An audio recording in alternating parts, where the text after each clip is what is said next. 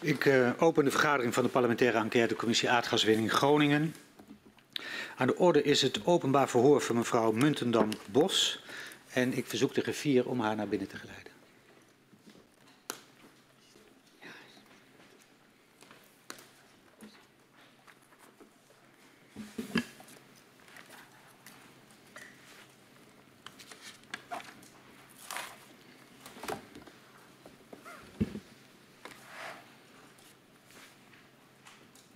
Welkom, mevrouw Muntendam-Bos. 60 jaar uh, gaswinning heeft Nederland veel gebracht, maar kent zeker voor gedupeerde schaduwkanten. De commissie uh, onderzoekt uh, ja, hoe deze schaduwkanten hebben geleid tot het besluit om de aardgaswinning in Groningen te stoppen. We willen weten hoe de besluitvorming op cruciale momenten is verlopen. hoe werken publieke en private partijen samen bij de gaswinning? We onderzoeken de aardbevingen zelf en ja, de, kennis, de ontwikkeling van kennis daarover, de afhandeling van de schade als gevolg van de bevingen en het proces van het uh, versterken van gebouwen in de provincie Groningen. Um, deze week uh, ja, richten we ons vooral op uh, het jaar 2012, het jaar waarin de huizingenbeving plaatsvond. En ook het staatstoezicht op de mijnen waar u werkt ook voor het eerst flink alarm sloeg. Um, en ook dat ja, aardbevingen nog zwaarder zouden kunnen worden dan de beving in Huizingen. U ging als seismoloog in 2012 uh, werken voor het staatstoezicht op de mijnen. En u was ook direct betrokken bij de analyses die kort na de beving zijn gemaakt. U wordt gehoord als getuige uh, en dit verhoor vindt plaats onder Ede. En dat betekent dat u uh, de gehele waarheid en niets dan de waarheid zult zeggen. Ik verzoek u daarom om te gaan staan. En mij na te zeggen, dat beloof ik. Dat beloof ik. Goed, dan staat u nu onder Ede. Mag u weer plaatsnemen. Het verhoor uh, met u zal worden afgenomen uh, door uh, twee van mijn collega's, mevrouw Tiele en mevrouw Kuik. En aan het eind van het gesprek, van het verhoor moet ik zeggen, want het is niet zomaar een gesprek, zal misschien mevrouw van der Graaf ook nog enkele vragen hebben. Is dat helder? Ja, helemaal. Dan gaan we beginnen. Gaat u. Mevrouw Muntendam, u bent opgeleid als uh, geofysicus en uw specialisatie was uh, seismologie. Uh, tussen 2006 en 2012 heeft u bij TNO gewerkt in verschillende functies. En TNO is het kennisinstituut dat de wettelijke taak heeft om onderzoek te doen naar de bodem in Nederland. sinds 2012 werkt u bij het staatstoezicht op de mijnen en u bent daar nauw betrokken bij de onderzoeken en adviezen over de risico's van gaswinning in Groningen. Uh, in dit uh, verhoor willen we het met u over een aantal dingen hebben. Onder andere over de risico's op aardbevingen en uw ervaringen bij TNO en het staatstoezicht op de mijnen. Uh, het onderzoek ook dat u daarnaar heeft ver verricht direct na de beving in Huizingen en de ontwikkelingen die na dat onderzoek waren. Maar laten we gewoon bij het begin beginnen, bij de start van uw loopbaan. ik zei al, u heeft ge geofysica gestudeerd met als specialisatie seismologie. U bent gepromoveerd in Utrecht. Um, kunt u uw vakgebied uh, beschrijven, de geofysica en, en, de seismologie? Wat is het eigenlijk? Ja, de geofysica is eigenlijk de kennis van de aarde. Uh, hoe de aarde werkt, uh, hoe de aardbevingen ontstaan en wat je uit aardbevingen kan leren over de samenstelling van de aarde. Um, seismologie is heel specifiek de kennis van aardbevingen en hoe aardbevingen zich, de golven zich door de aarde heen verplaatsen naar het oppervlakte. Um, en ik heb tijdens mijn afstudeeronderzoek voornamelijk uh, naar natuurlijke bevingen gekeken en hoe de wat diepere bevingen anders zijn dan de ondiepere bevingen. Mm -hmm. En juist tijdens mijn promotie heb ik heel erg gekeken naar de spanningsopbouw in de aardkorst en hoe die kunnen leiden tot aardbevingen en hoe de spanningen veranderen tijdens een aardbeving. Uh, en ook wat dat betekent voor de seismische dreiging uh, in een bepaald gebied. Dank u wel. En als, als we naar dat vakgebied kijken, hoe, hoe groot is dat vakgebied, met name in Nederland? In Nederland is dat vakgebied heel klein. Er was destijds één opleiding in Nederland waar je geofysica kon studeren. Uh, er was daarnaast in Delft wel mijnbouwkunde, maar dat is toch weer net anders. Dat is mm -hmm. oppervlakkiger. Uh, geofysica is echt de hele aarde aan zich.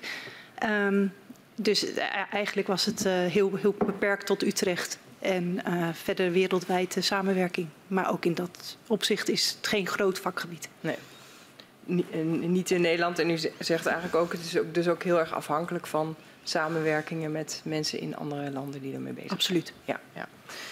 Um, de mijnbouw in Groningen en de bodembeweging die daarmee te maken had, in hoeverre was dat uh, tijdens uw studie en uw promotieonderzoek al een thema binnen het vakgebied? niet, eigenlijk. Uh, heel voorzichtig internationaal gezien begonnen er wat kennis te komen naar uh, bevingen die door menselijk handelen komen, de zogenaamde geïnduceerde aardbevingen. Mm -hmm. Uh, maar voornamelijk nog gerelateerd aan uh, waterinjectieprojecten in Amerika. enkele olie- en gasvelden die heel veel bodemdaling ook hadden, waar wel ook bevingen werden gezien. bijvoorbeeld is het Wellingtonveld in Amerika, in Californië.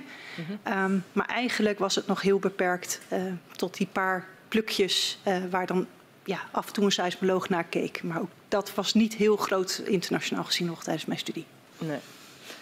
Um, als u dan gaat werken bij uh, TNO in, in 2006, uh, dan specialiseert u zich in dat onderzoek naar die, u noemde het al, geïndiceerde seismiciteit uh, en bodemdaling door, door wat, was, wat was de reden dat u dat graag wilde gaan doen? Nou, de reden was eigenlijk dat ik graag maatschappelijk belangrijk onderzoek wou doen. En uh, waar goede maatschappelijke bijdrage aan zit. En daar ben ik ook overgestapt naar TNO vanuit een promotie, of een, eigenlijk een uh, postdoc-positie waar ik puur onderzoek deed. Wat heel klein was. Wat eigenlijk in Nederland was ik de enige die daarmee bezig was. Dan vroeg me wel eens af van waarvoor doe ik dit? Want wie is hier nu geïnteresseerd met waar ik mee bezig ben? Um, en dat was bij TNO duidelijk heel anders. En daarom ben ik bij TNO gesolliciteerd en daar gaan werken. Um, ik ben inderdaad begonnen op de bodemdaling. En eigenlijk uh, in 2007, na mijn zwangerschapsverlof, ben ik bij de uh, aardbevingen ook betrokken geraakt. En toen met name eigenlijk bij het project over de gasopslag in Bergenmeer. Uh, die toen voornemens was en waar ze keken van... god, er zijn in het verleden vier aardbevingen geweest. Mm -hmm. Wat kan er nou gebeuren als we dat gasveld ombouwen naar een gasopslag? Uh, wat, ja, wat is dan het potentieel voor dat veld om weer bevingen te gaan, uh, gaan geven? Ja. U zei net, uh, en dat was bij TNO heel anders. Wat, wat bedoelde u daarmee? Nou, dat je echt aan projecten werkt waar meteen een grote maatschappelijke component aan zit. Waar, waar je te maken hebt met uh, vele belangen en ook belangen van, van burgers die je uh, ja, ook wilt bedienen. Van dat, dat er, hoe zeg je dat? Ja, dat, dat inderdaad de mensen, uh, je iets goeds doet voor de mensen daar. Dat je probeert om het, om het zo veilig mogelijk te maken voor die mensen ja, daar. De, de maatschappelijke kant van ja, die wetenschappelijke absoluut. Um, maar het was niet anders dat u daar met meer mensen, uh, zeg maar, met deze mate van kennis uh, zat? Nee. Nee, u was, u was de enige? Uh, ik was niet helemaal de enige, maar wel de enige met specifieke seismologische kennis. Mm -hmm. Er waren wel meer die ook gespecialiseerd waren in de geomechanica. En de geomechanica is wat breder eigenlijk um, de processen die gebeuren ten gevolge van delfstofwinning. Dus wat gebeurt er in die aarde als je gas wint of als je geothermie-project doet. Ja, dus dat heeft wel te maken met hetzelfde onderwerp, maar is een andere uh, wetenschappelijke uh, manier van. Ja, die kijkt op een andere manier naar. Ja, ja oké. Okay. Uh, u had bij TNO, zeiden we al, verschillende functies. Wat, wat waren nou uw belangrijkste taken en verantwoordelijkheden? Hoe omschrijft u die binnen TNO? In die tijd was ik vooral gewoon medewerker. Mm -hmm. uh, dus ik werkte aan de projecten. Ik uh, leidde ook een paar projecten. Ik, het Gasopslag Bergenmeer project was ik projectleider op. Dus daar organiseerde ik ook dat het onderzoek uh, goed verliep. En stuurde ik de mensen aan die het onderzoek deden. En had ik contact met de opdrachtgever. Mm -hmm. um, voor een groot EU-project was ik ook de contactpersoon voor het consortium. En heb ik geholpen om het hele projectvoorstel voor de EU te helpen schrijven en op te zetten. Um, en ja, verder werkte ik mee aan projecten. En later in 2009 ben ik overgestapt naar de adviesgroep Economische Zaken. Mm -hmm. uh, en daar werkte ik specifiek als uh, contactpersoon en adviseur voor EZK en uh, SODM op alles wat eigenlijk met de geomechanica te maken had. Dus ja. alles wat we daar deden voor hun op het gebied van die gevolgen van de, van de olie- en gaswinning. of, maar ook zoutwinning en geothermie. Daarvoor was ik toen hun contactpersoon en belangrijkste adviseur. Ja. En met wat, met wat voor collega's, uh, wat, wat, wat, wat, uh, wat konden uw collega's, zeg maar, om maar zo te zeggen, wat voor wetenschappelijke expertise hadden zij? Nou, het waren wel allemaal uh, uit de beta-hoek. Dus mm -hmm. fysici, ook wel aardwetenschappers, geologen, heel veel. Um, en ja, juist door de kennis te combineren. En die mm -hmm. hebben ook heel erg verbreed naar ja, ook dat ze meer die processen begrepen, et cetera dat ja, werkte je samen en ze hadden, kwamen van een andere soort opleiding, maar uiteindelijk had je wel een gedeelde kennisbasis van hoe die processen werkten. Ja, en hoe werd dan bepaald wat, hoe, welke projecten er werden gedaan, welke onderzoeken er werden ingezet? Uh, dat was deels was dat gewoon consultancywerk. Dus je had ook een taak om projecten binnen te halen. Mhm. Uh, en daarnaast had TNO een stuk kennisinvesteringsgelden die ze zelf kunnen inzetten om onderzoek uh, te doen. Mhm. En daarvoor moest je onderzoeksprojectvoorstellen schrijven. Ja. En dat werd voornamelijk door de senior mensen gedaan. En u werd later senior mens, om dat zo te zeggen? Ja. ja. En als u kijkt zeg maar, naar het totaal aantal projecten en onderzoeken die u deed, uh, hoe groot was de uh, mate van onderzoek of projecten naar gaswinning, of die aan gaswinning gerelateerd waren? U dat beschrijven? Nou, dat waren er behoorlijk wat, maar uh, echt specifiek voor aardbevingen was het eigenlijk alleen het uh, Bergenmeer uh, gasopslagproject en het grote EU-project voor ja, de, de diepere speciale geothermie. Ja, dus u zegt ermee dat eigenlijk rondom Groningen heel weinig. er was geen, waren geen projecten geen rondom Groningen. U, uh, u, gaf het al een paar keer aan. U bent projectleider en um, als het gaat om het Bergenmeer-project, uh, uh, waar het bedrijf Taka opslag, gasopslag heeft.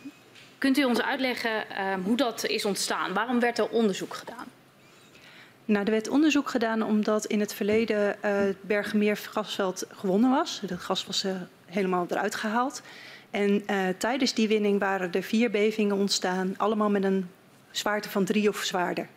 Dus er waren twee van 3, één van 3,2 en 1,3,4. Dus het waren behoorlijk zware bevingen. Um, en ja, de grote vraag was, als we dat gaan omvormen naar een gasopslag, kunnen er dan opnieuw van dat soort zware bevingen ontstaan? Uh, of um, blijft het beperkt tot hele kleine bevingen? Of treden er helemaal geen bevingen op? Dus er was een hoop onduidelijkheid. En ons werd toen gevraagd om daarvoor dat onderzoek te doen en te kijken wat, het, wat zou kunnen gebeuren. En, en wie vroeg dat om dat onderzoek te doen? Dat onderzoek is gedaan voor TACA, okay. uh, maar met speciale toestemming van het ministerie van Economische Zaken. Want officieel mogen we, mocht TNO in Nederland, en dat mogen ze nog steeds niet, uh, voor projecten die gerelateerd zijn aan een vergunningsaanvraag, mogen zij geen werkzaamheden verrichten. Nee, dus voor mijn helderheid, TACA vroeg aan TNO. Um, wij willen hier onderzoek op, willen jullie dat uitvoeren? En EZK heeft gezegd, akkoord, dat jullie daarop onderzoek gaan doen. Voor ja, vanwege het uh, grote belang dat zij hechten aan die gasopslag. Ja, en um, kunt u ons uh, meenemen hoe TACA zich opstelde um, uh, tijdens dat onderzoek? heel coöperatief. ze hebben heel veel geholpen met de reservoirmodellen waar nodig. Want we hebben reservoirmodellen van hun gebruikt om dat onderzoek te kunnen, kunnen doen.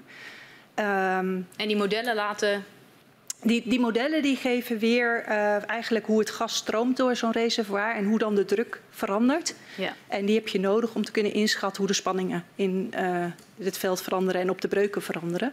Om zo te kunnen kijken van kunnen er dan weer aardbevingen ontstaan. Um, en wat wij heel graag wouden was ook de temperatuurseffecten meenemen. En dat was in dat programma, uh, het specifieke programma wat we daarvoor gebruikten, was dat best lastig. Mm -hmm. En daar heeft Taka ook aan geholpen. Uh, en ze hebben op een gegeven moment heel uh, effectief uh, gezorgd dat we extra data kregen. Er moesten extra testen voor gedaan worden in putten die, die ze hebben. En we hadden toen gevraagd, we hebben eigenlijk informatie nodig over de huidige spanningstoestand in het veld. Dus hoe, mm -hmm. hoe zijn de spanningen op dit moment? En ze hebben toen die testen uitgevoerd. Dus die, die gegevens hadden zij ook nog niet, maar op verzoek van de onderzoekers hebben zij ja. die aangeleverd. Klopt. Wat komt er uit dat onderzoek? Uit dat onderzoek kwam dat er uh, wel degelijk een kans was om uh, weer bevingen te krijgen.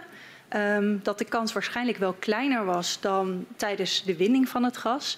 Maar dat niet uitgesloten kon worden dat de bevingen ook wel weer even groot konden worden als tijdens de winning van het gas. En uh, er is toen een berekening gemaakt ook van goh, hoe groot kunnen ze dan maximaal worden. Ja. Um, dat is gedaan eigenlijk op basis van wat we ook bij natuurlijke bevingen doen. Dat je kijkt naar hoe groot is de breuk en hoe groot kan dan een beving worden. Want op een gegeven moment is een breuk begrensd en dan kan ook niet meer kan geactiveerd worden. En daaruit is toen een maximale magnitude van uh, 3,9 in de meest conservatieve aannames gekomen. Als je de realistische aannames pakte, dan was dat een 3,7. En als je de meest conservatieve aannames deed, dan was dat een 3,9. Ja, en conservatief houdt dan in, dat is het ergste wat je zou kunnen verwachten. In dit geval was dat het ergste wat je ja. zou kunnen verwachten. Ja. Um, het was dus wel mogelijk om in die periode ook al wel een maximale magnitude te berekenen.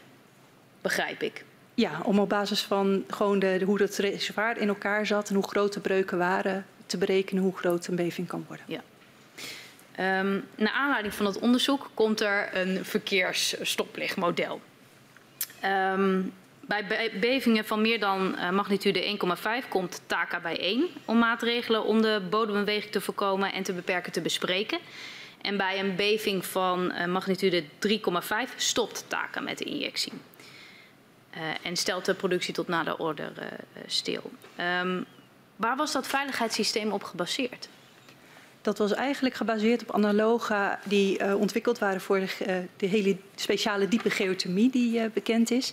En daar was uit bekend dat als je op een gegeven moment stopte, dat dan of erg sterk reduceerde in snelheden, dat dan ook de kans dat je nog die zware beving kreeg heel erg terug afnam. Um, en ja, die analogie is gebruikt om voor hiervoor iets vergelijkbaars op te zetten, om op die manier te voorkomen, um, of in ieder geval proberen te voorkomen, dat de beving van 3,9 toch zou kunnen optreden. Uh, maar ook om uh, al vroegtijdig te, ja, goed in de gaten te houden van wat er gebeurt. En, en uh, al bij toename van kleine bevingen te zeggen van oh wacht, hier, hier gebeurt iets. We hebben misschien wat extra aandacht aan moeten besteden. Ja, dus het was de wetenschap die zei van als je op een gegeven moment ehm, minder wint of stopt, dan heeft dat gevolgen voor de kans dat er nog een grote beving plaatsvindt. Ja, voor geothermieprojecten. Daar kwam dit vandaan. Voor geothermie. Ja, dit was de eerste keer dat het toegepast ja. werd op gaswinning of gasopslag. Ja. Dus in dat opzicht was het nieuw, maar het kwam uit de, de geothermie. Uh, komt uit een, van een veld in, uh, ergens in Zuid-Amerika af. Mm -hmm. Ik ben de naam even kwijt. Maar daarvoor is het oorspronkelijk uh, ontwikkeld en overgenomen breder in de geothermie. En we hebben toen gezegd van nou laten we dat hier ook vergelijkbaar proberen toe te passen. Ja. In hoeverre was, was het eigenlijk mogelijk om uh, in die periode bodembeweging te voorkomen of te beperken? Dat was in zoverre mogelijk, zeker als je het hebt over bodemdaling. Uh, dan uh, ja, hoe meer gas je eruit haalt, hoe meer de bodem daalt. Dus in dat opzicht kun je op een gegeven moment zeggen van nou, dit meer bodemdaling vind ik niet acceptabel, dus ik ga niet verder. Mm -hmm. uh, voor de Waddenzee wisten we inmiddels dat het eigenlijk de snelheid waarmee de bodem daalde heel belangrijk was, omdat het natuurlijk systeem het met zijn sedimenttoevoer weer aan moet vullen, zodat eigenlijk de Waddenzee niet daalt, maar je puur alleen de diepe bo bodem daalt. maar de watplaten wel gewoon goed in stand blijven. En ook daarvoor kon je met productiesnelheden dat zodanig regelen dat die bodemdalingssnelheid niet boven een bepaald niveau uitkomt, zodat die watplaten het bij kunnen houden. Um, voor seismiciteit is dat uh, minder duidelijk. Um, en eigenlijk, ja, die tijd was daar nog niet echt uh, gegevens over. Nee, en, en, kunt u iets zeggen over of dat systeem goed gewerkt heeft? Uh, voor de bodemdaling werkt ja. het goed. Uh, voor de seismiciteit is het denk ik nog steeds niet nee. uh, beproefd. In 2008, aan het eind van het jaar, blijkt dat de jaarlijkse hoeveelheid seismische energie in Groningen een punt van aandacht is. En dan citeer ik het technisch platform aardbevingen. Uh, en uh, NAM-onderzoek uh, wordt besproken met onder meer het KNMI en staatstoezicht op de mijnen. Um, en u krijgt ook het bericht van het technische platform aardbevingen over die uh, hoeveelheid uh, seismische energie. Uh, hoe urgent was überhaupt dat begrip jaarlijks, de jaarlijkse hoeveelheid seismische energie? Um, niet. Het ging ook volgens mij niet over de jaarlijkse hoeveelheid seismische energie, maar over de totale hoeveelheid energie die ze zagen toenemen. Mm -hmm. um, het werd eigenlijk meer gebracht als een, als een mededeling dan als een groot punt van zorg in mijn herinnering. Maar was dat een mededeling die, die vaak kwam of juist op, op dit moment omdat er een bepaalde uh, uh, aandacht voor nodig was? Het was, uh, als ik mij goed herinner, in de aanloop naar een actualisatie van een rapport over de seismiciteit in Noord-Nederland. Mm -hmm. En daarbij was dit een van de tussenuitkomsten die het KNMI daar presenteerde. En wat deed TNO met, die, met, met dat bericht? Voor zover ik weet niks. Niets, oké. Okay. Uh, u doet uh, in, uh, in het jaar daarna, in 2009, bij TNO verkennend onderzoek naar aardbevingen in het Groninger gasveld. Op verzoek van de, het staatstoezicht op de mijnen. Wat was de aanleiding van dat onderzoek? Um, de aanleiding van het onderzoek ben ik zelf niet bij betrokken geweest. Ik mm -hmm. ken wel van veel later de berichtgevingen daarover van waar, wat de echte aanleiding was van Hans Roest. Mm -hmm. um, ik begrijp van hem dat het uh, zorgen waren over de toenemende seismiciteit en uh, hoe de seismiciteit zich ontwikkelde met de productieontwikkeling. Uh, op dat moment ben ik alleen gevraagd door de toenmalige adviseurs van EZK en SODM bij de adviesgroep Economische Zaken. Ik zat toen nog bij de olie- en gasgroep.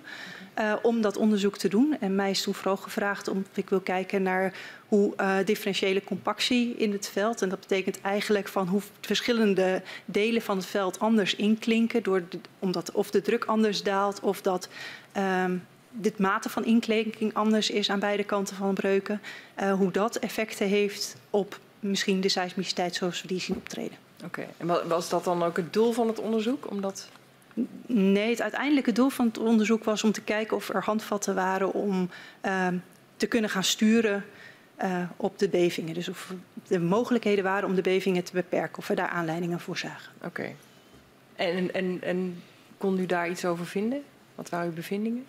Uh, de belangrijkste bevindingen waren dat wij duidelijke correlaties zagen met uh, breuken met, ja, waar de reservoirlagen echt significant ten opzichte van elkaar verschoven waren. Ja. Um, dat wij correlaties zagen met verschillende drukken aan verschillende kanten van de breuken. Um, en uh, dat daarin wel mogelijkheden lagen mogelijk om uh, de bevingen te beperken. Als je de drukken meer gelijk zou brengen aan de beide kanten van de breuken. Um, maar ook dat het echt een verkennend onderzoek was. En dat meer onderzoek nodig was om daar meer echt, echt goed handvat voor te krijgen. Ja. Dus er waren aanwijzingen, maar er was nog geen definitief eenduidig beeld. Nee, dus, dus een van de aanbevelingen en conclusies was er moet meer onderzoek uh, nog komen. En, en een andere was ook wel dat er duidelijke indicaties zijn uh, dat preventieve maatregelen in sommige gevallen het risico op trillingen wel kunnen verminderen. Dat uh, heb ik ook gelezen als een van de conclusies. Ja, dat klopt. Kreeg u ook de opdracht om vervolgonderzoek te gaan doen naar aanleiding van deze bevindingen? Nee, want er is toen aan de NAM gevraagd om informatie beschikbaar te stellen om dat onderzoek te kunnen doen. Mm -hmm. En uh, de NAM kwam toen van ja, maar wij zijn die gegevens eigenlijk op dit moment aan het actualiseren. Mm -hmm. En uh, wij zouden liever met het onderzoek daarop wachten. Uh, en dat heeft SODM toen geaccepteerd. Dus er is geen vervolgvraag op dat moment gekomen voor ons. Kunt u iets meer vertellen wat voor informatie u dan van de NAM nodig had om dat onderzoek te doen? Ja, dat was eigenlijk informatie van uh, de ondergrond. Dus hoe zitten die breuken in elkaar? Mm -hmm. Hoe zit het reservoir daar goed in elkaar? Dat, dat noemen we het statisch geologisch model. Um, en daarnaast uh, ook informatie over van uh, ja, hoe, hoe zitten de drukken nou precies in dat veld en hoe hebben zich die ontwikkeld door de tijd heen. Mm -hmm. En dat was informatie die u van de NAM zou moeten krijgen? Ja, want dat zijn bedrijfsvertrouwelijke gegevens die normaal gesproken, ja, hele grote ingewikkelde modellen die door worden ontwikkeld om te kijken hoeveel gas je uit een veld kan winnen. Ja, dus in 2009 heeft u dat onderzoek gedaan, u heeft extra informatie nodig, maar uh, de informatie uh, wordt, is er nog niet of wordt nog niet gegeven in ieder geval. Wat is dan, het, uh, wat, wat is dan de afspraak zeg maar, die daarover wordt gemaakt? Er werd eigenlijk geen verdere afspraak gemaakt. Er is toen alleen gezegd van nou we gaan daarop wachten en um, dat is toen ook gebeurd. Um, dat is wat wij ons toen van uh, het SODM hebben vernomen en daarmee hebben wij het laten rusten. Um, en in 2012 zijn we met SODM naar de NAM geweest toen het winningsplan 2013 werd voorbereid. Daar komen we straks nog even op terug. Ik blijf nog eventjes in 2009. Want ik was nog even benieuwd, want in die conclusie die u dus had opgeschreven... dat er uh, duidelijke indicaties zijn dat er uh, preventieve maatregelen mogelijk zijn... om die trillingen te, te, te, verminderen. Wat, wat betekenen eigenlijk die preventieve maatregelen? Wat bedoelde u daarmee?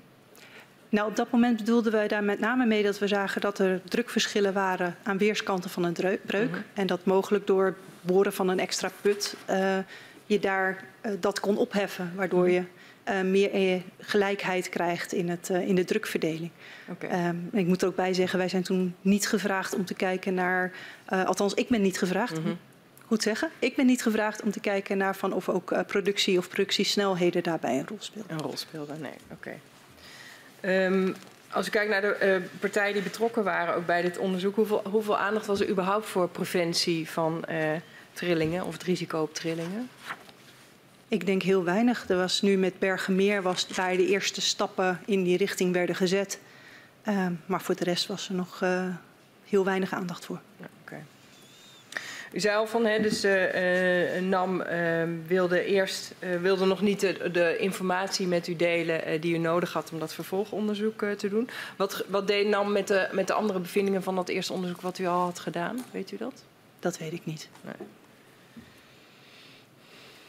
En hoe lang had, had, had, NAM naar eigen zeggen nodig om, om u de informatie te geven die, die u nodig had voor uw vervolgonderzoek?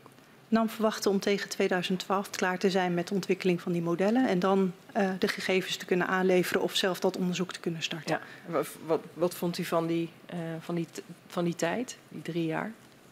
Ik vond daar op dat moment als, als ingehuurde medewerker die dat onderzoek gedaan had niet zoveel van. Nee. En wat vond u het. Uh, um, want u heeft natuurlijk veel, veel kennis over, over die, uh, die aardbodem. Om maar zo te zeggen, was het een, um, een tijd die logisch was in wat dat betreft wat nodig is om, uh, om die informatie in kaart te brengen of te delen of te laten zien? Ik denk wel dat je zoveel tijd nodig hebt om dat soort modellen helemaal te ontwikkelen. Ja. ja. Dus dat is wel uh, bekend en reëel. Ja. Betekent dat dat die informatie er nog niet was, maar inderdaad ook nog vergaard moest worden door dan? Nee, dat waren wel oude modellen. Okay. Het was een actualisatie van het model oh, nee, en niet een volledig nieuw model. Oké. Okay. Um, u heeft allerlei gegevens nodig om het goed in beeld te krijgen. Het Groningerveld uh, en de seismiciteit daarbij. Wie was er nou in die periode verantwoordelijk uh, voor een compleet beeld van die ondergrond van het Groningerveld?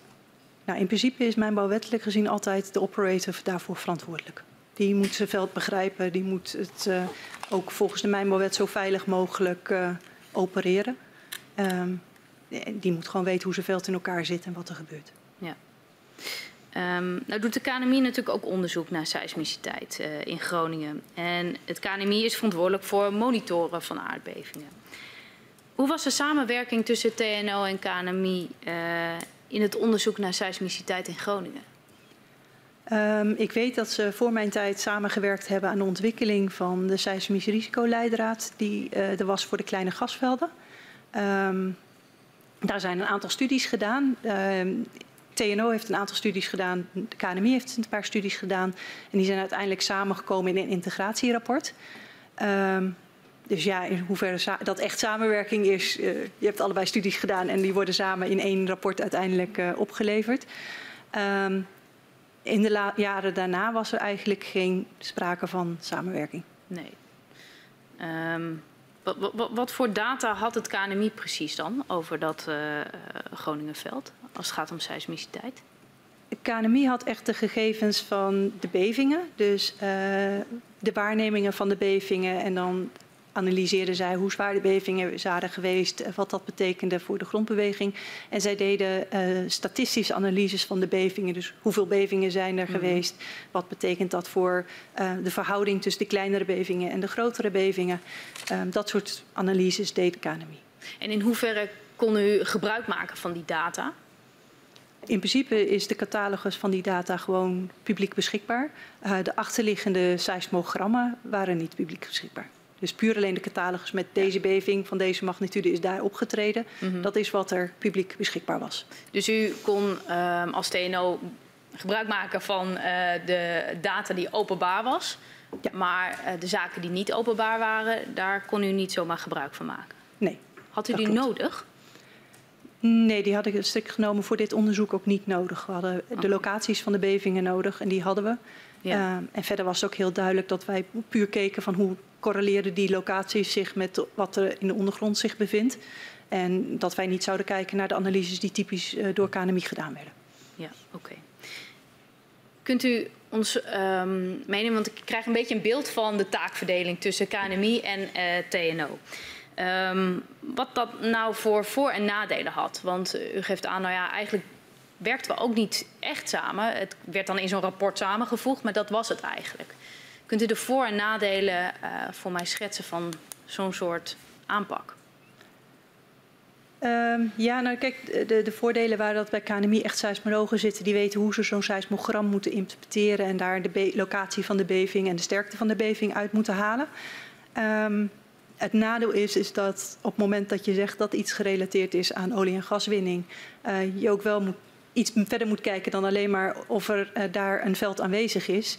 Uh, dat je ook moet kijken van welke diepte en, en, dat soort aspecten. En dat werd niet gedaan. Um, en dat zie je ook terug, want KNMI plaatst eigenlijk alle bevingen standaard op, twee kilo, of op drie kilometer diepte. Mm -hmm. Maar bijvoorbeeld een Bergenmeerveld zit op, op twee tot 2,5 kilometer diepte. Dus ja, daarmee zit je eigenlijk in je analyse, ga je al van de verkeerde aanname uit. Ja. Dus u geeft aan van, nou ja, het werd eigenlijk een gemiddelde genomen. Uh, hè? En, en, en, er werd niet verder doorgekeken uh, naar hoe het veld er precies uitzag. Nee, er werd eigenlijk van uitgegaan van als het door uh, olie- en gaswinning komt, dan zit het op drie kilometer ja. diepte. Uh, komt het niet door olie- en gaswinning, maar is het natuurlijk, dan analyseren we ook de diepte. Dat is eigenlijk het, het uitgangspunt van het KNMI geweest. Ja. En toch, toch lijkt het me dat deze eh, TNO en KNMI hebben belangrijke informatie. Dat je dat bij elkaar moet brengen, wil je een compleet beeld krijgen. Uh, idealiter zou dat, uh, zou dat heel fijn zijn. Alleen uh, ja, er was ook wel op dat moment een discussie over van moeten die twee samengevoegd worden. Ja. Um, en wat ik altijd begrepen heb, maar ik ben daar niet zelf bij betrokken geweest, dus dat is puur wat ik uit de wandelgangen begrepen ja. heb, is dat daar ook heel veel weerstand tegen was. en dan met name vanaf de KNMI-kant.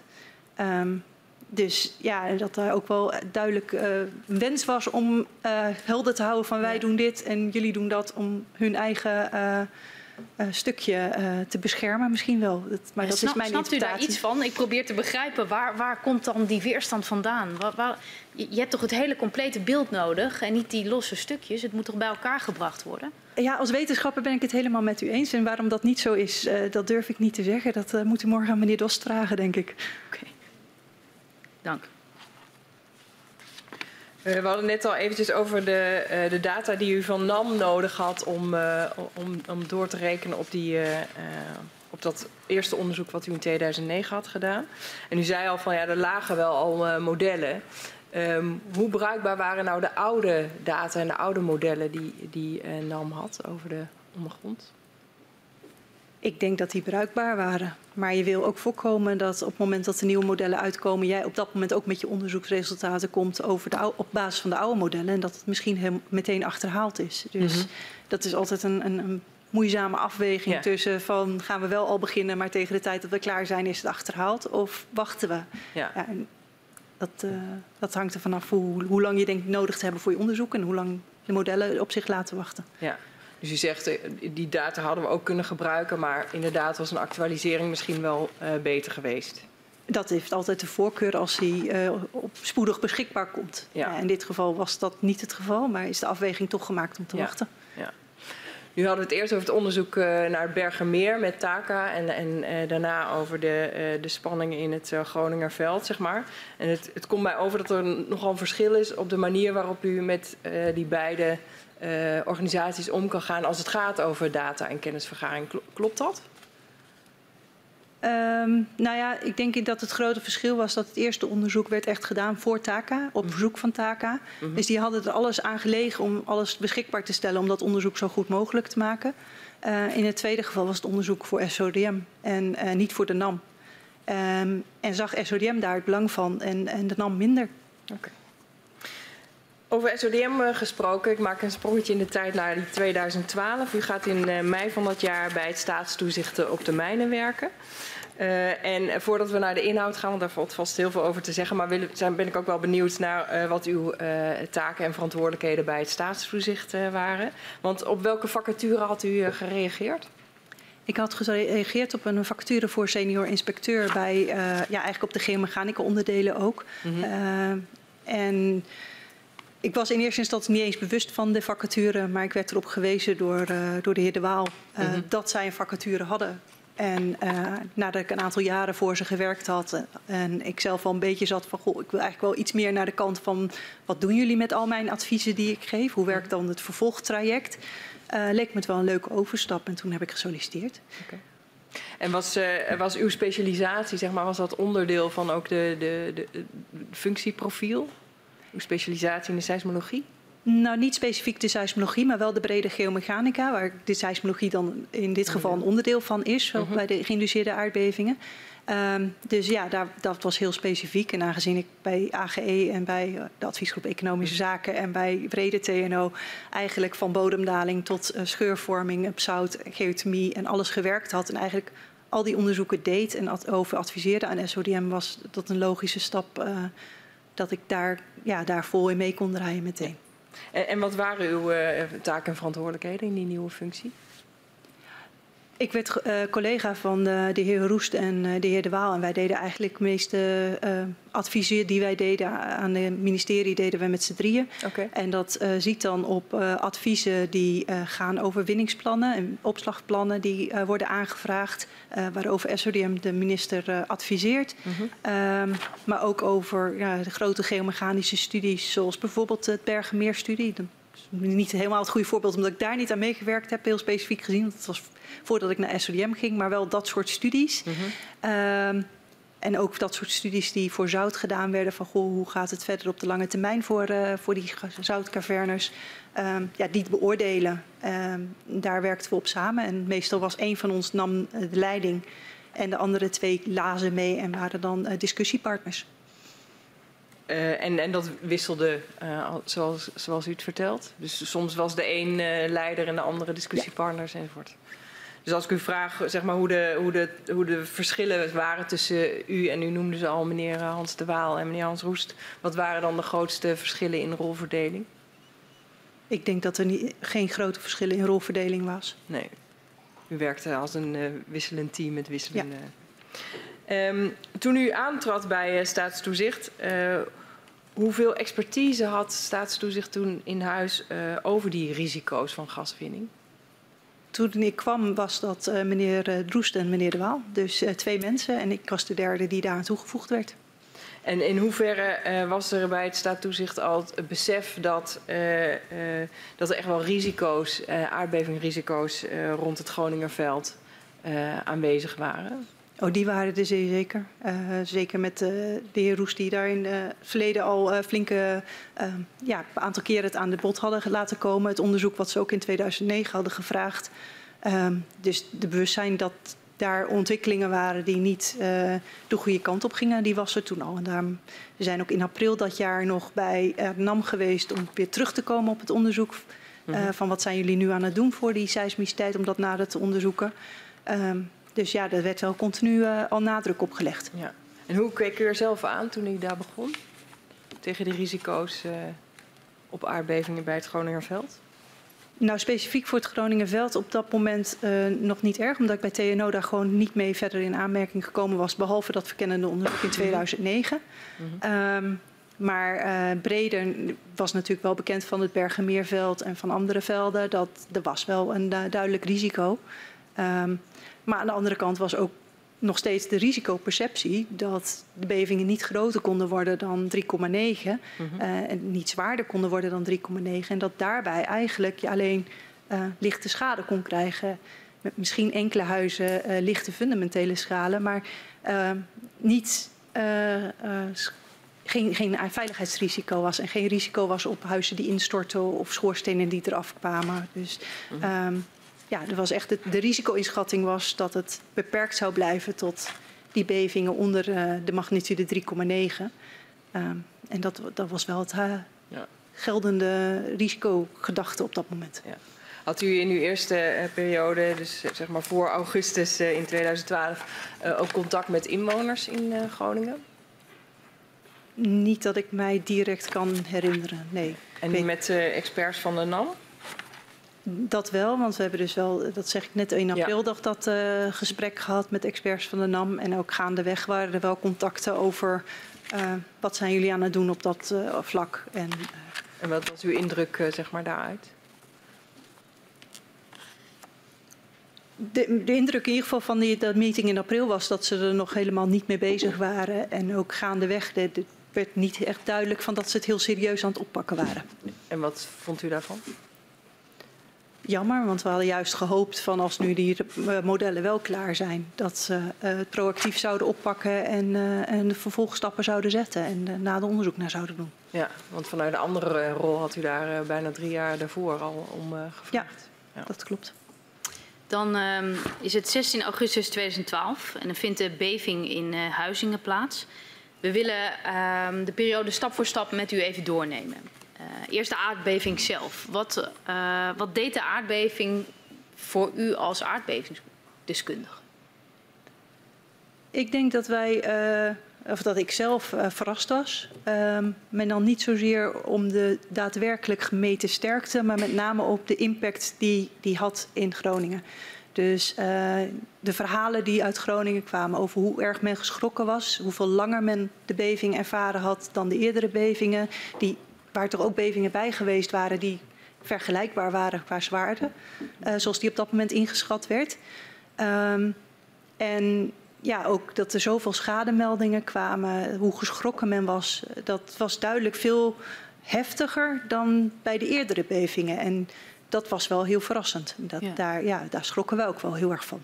En hoe kwam die uh, informatie uh, tot u, uh, dat, dat de bewoners zo geschrokken waren en dat het zo impactvol was?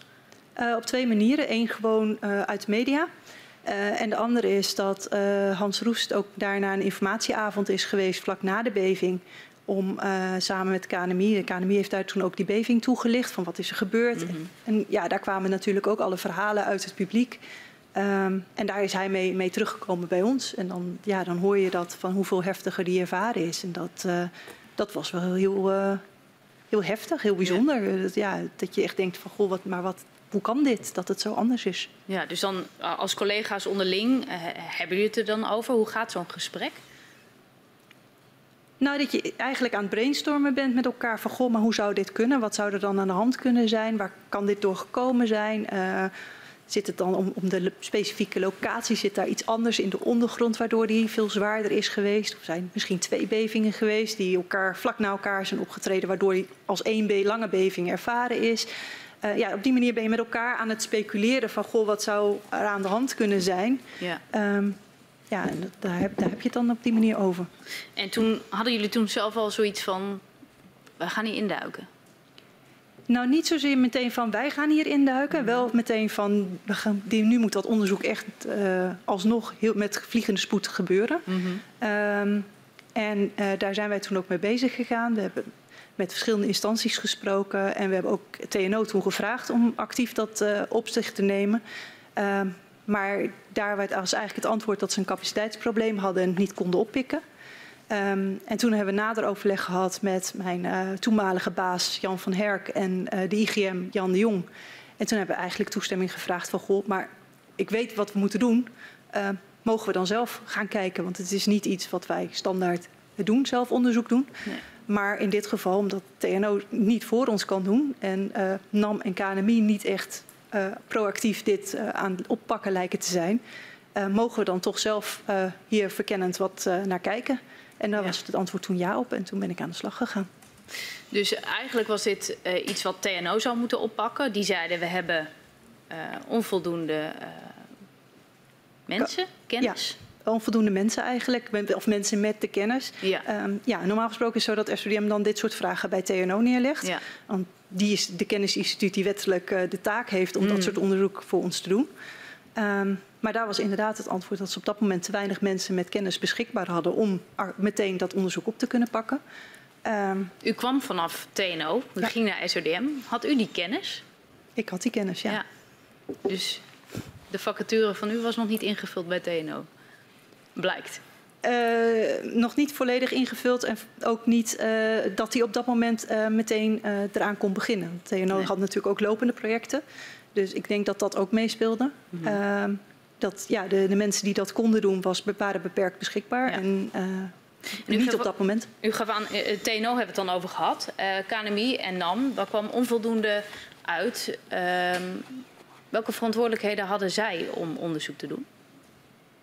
Nou, NAM als operator van het veld heeft de wettelijke taak om uh, te onderzoeken van wat er gebeurt in hun gasveld. Dus op het moment dat zo'n beving met zo'n impact gebeurt, verwacht je eigenlijk toch wel een proactieve houding en dat ze onderzoek gaan doen. Uh, en KNMI, ja, KNMI is natuurlijk de autoriteit uh, en werd ook gepositioneerd als de autoriteit op het gebied van aardbevingen. Dus ook van hun verwacht je dat ze op zo'n moment onderzoek gaan doen. En, en, is dat dan ook nog gevraagd? Van, gaan jullie onderzoek doen? Ik weet niet uh, precies wat er toen waar gevraagd is. Maar dat zijn ook telefoongesprekken geweest volgens mij tussen Jan de Jong en Bart van der Leenput. Ja. En, en, op dat niveau. Dus daar ben ik ja. niet bij, direct bij betrokken nee. geweest. Nee, omdat u aangaf, eh, KNMI is de autoriteit. Dan verwacht je... Nou ja, op het moment dat zo'n beving komt, dan... Kijk, KNMI is van de data ja. van de aardbevingen en van de eerste analyses van de aardbevingen. Dus dan verwacht je dat zij dat ook op dat moment doen. Uh, en ik weet wel dat ze toen gezegd hebben van we gaan wel kijken naar waarom hier zoveel anders uh, beleefd is. Dus waarom hier zoveel langer was. Maar uh, niet het soort onderzoek wat wij op dat moment wouden naar de relatie met de productie en de productiesnelheden. Ja. En u uh, gaat samen met uw collega De Waal, vraagt u toestemming bij ehm, Jan de Jong, de inspecteur-generaal. Ehm, hoe reageerde die op uw verzoek? Nou, die begreep waar we vandaan kwamen. En die begreep ook van, ja, als TNO het niet kan doen, dan kunnen we twee dingen doen. We kunnen of uh, gaan zitten afwachten, uh, of uh, zelf vast beginnen. Ja. En die had wel zoiets van, nou, dan gaan we zelf beginnen. Want die had, zag ook wel de urgentie van er toch nader naar in te duiken. Ja. En SODM, staatstoezicht, had dus ook voldoende expertise in huis om dit onderzoek te gaan doen, begrijp ik. Ja, zeker om uh, de, de, het eerste stuk wat, uh, wat ik met name gedaan heb... om te kijken naar van hoe verhouden de bevingen zich tot elkaar. Wat betekent dat voor de sterkte van de maximale beving, die, uh, de grootste beving die zou op kunnen treden. en met name ook de relatie met de productie van... is er überhaupt een correlatie met de productie en de productiesnelheid? Um, daar hadden we voldoende kennis op in huis. Ja. Is die vraag, had die niet al eerder gesteld kunnen worden? Die is ook eerder op tafel geweest. Alleen uh, in het 2009-onderzoek in ieder geval niet uh, bij mij in het onderzoek beland. Nee. Um, ik weet wel dat die toen aan het TNO gesteld is. Ja. Um, ik weet niet waarom ervoor gekozen is om het niet op te nemen in het onderzoek wat ik uiteindelijk gedaan heb. Nee. Okay. Nee, dus u, uh, meneer De Waal en u denken, nou, je moet eigenlijk wel onderzoek naar komen. Maar eigenlijk zijn we daar als staatstoezicht, ja, is niet onze rol. Uh, maar eigenlijk geen van de andere betrokken partijen lijkt de handschoen op te willen pakken. Zegt dat dat er eigenlijk gewoon geen urgentie voor wordt gevoeld? Ik denk dat uh, de NAM en TNO inderdaad daar geen urgentie bij voelden, nee. En het KNMI? Ik denk dat KNMI met alleen de urgentie voelde om het onderzoek te doen van uh, wat zit er in de ondergrond dat die beving anders beleefd is maar niet naar uh, eigenlijk hun standaardanalyses om die uh, opnieuw te analyseren. En de relatie met de productie. De relatie met de productie is ook eigenlijk iets wat bij TNO zou thuis horen. En KNMI echt naar hun data kijkt. Ja. En niet naar uh, de relatie direct met de productie. Hoe verklaart u dat verschil in gevoel van urgentie bij al deze organisaties? Dat kan ik niet verklaren. Daar heb ik geen verklaring voor. In ieder geval uh, gaat u samen met uh, meneer De Waal aan de slag. Uh, hoe, hoe, pakt u het onderzoek aan? Want u vertelde al een beetje hè, over de verschillen en de relatie en de correlaties. Maar hoe, hoe gaat dat? Wat, wat, doet u dan, zeg maar? Nou, wat ik actief echt ben gaan doen is eigenlijk inderdaad de productiedata opgevraagd en de bevingencatalogus gepakt. En toen ben ik gewoon eh, jaarlijks hoeveelheden productie gaan correleren met jaarlijks hoeveelheden bevingen. Uh, met iets kleine verschuivingen, uh, halfjaarlijks, maandelijks. En uh, ja, op die manier kwamen daar toch wel duidelijke correlaties uit. Uh, met de snelheid, jaarlijkse snelheid van de productie en de jaarlijkse hoeveelheden bevingen. Mm -hmm. uh, en ik ben de, aan het gaan kijken naar de verhouding tussen de kleine bevingen en de grote bevingen. Omdat wij toch wel het gevoel hadden dat het aantal grote bevingen in de tijd toen aan het nemen was. Mm -hmm. um, dus dat zijn wij in kaart gaan brengen. En ook uh, in kaart gaan brengen van, goh, verandert die verhouding? Um, en dan zag je eigenlijk dat op zich de verhouding niet veranderde. Maar wel dat eigenlijk over de hele linie uh, de activiteit gewoon toegenomen had. En daardoor neemt ook de kans dat die zwaardere bevingen optreden neemt toe. Mm -hmm. uh, nou, die komen dus dan ook vaker voor. Um, maar op zich bleef de, de verhouding bleef hetzelfde. Alleen je zag de activiteit heel duidelijk toenemen met de variaties in de productie. En wat bedoelt u met de verhouding bleef hetzelfde? Dat uh, voor elke uh, 100 bevingen van bijvoorbeeld een sterkte 1,5 je 10 bevingen van sterkte 2,5 had in de catalogus en drie be of, uh, één beving van magnitude 3. Uh -huh. um, dat, die verhouding bleef eigenlijk altijd hetzelfde. Dat is een logaritmische verhouding. Uh -huh. um, en, en die zag je gewoon dat hetzelfde bleef. Alleen in plaats van dat je in eerste instantie 10 bevingen van anderhalf had, zagen we dat omhoog lopen naar 30 bevingen in, uh, in 2012, 2013. Ja. Dus u gebruikt eigenlijk de, de hele lijst uh, die door het KNMI is samengesteld met al, die bevingen uh, en de zwaarte ervan en de, en de tijd en, en dat soort dingen. U had een overzicht van hoe, hoe de productie per cluster ja. werd gedaan. En, en, is het dan gewoon een rekenonderzoek of zijn er nog andere bronnen die u gebruikt om, uh, om dit onderzoek te Nee, dit, dit was puur statistisch rekenonderzoek. Dus je gaat puur de een met de ander verbinden en kijken van goh, de variaties in de een komen die overeen met de variaties in de andere. Ja. En um, um, wat, wat, wat, wat wilde u eigenlijk uit dit onderzoek halen? Wat was uw doel? Nou, het doel was eigenlijk om te kijken van, goh, uh, kan een toegenomen hoeveelheid productie de reden zijn dat we nu uh, die zwaardere bevingen zien en ook dat die nu zo zwaar geworden is. Mm -hmm. um, dus dat was het primaire doel. En uiteindelijk kwam eruit dat we ook zagen van, goh, maar als je puur alleen naar de bevingen van het Groningenveld kijkt, um, dan heeft die maximale magnitude van 3,9 houdt geen stand. Want hoe, hoe, hoe, kun je, hoe kun je dat dan berekenen, die maximale magnitude? Nou, wat je eigenlijk ziet in die verhouding is dat uh, de, voor een hele hoop mag, uh, sterktes die verhouding inderdaad die logaritmische van factor 10 afnemend mm -hmm. uh, blijft staan.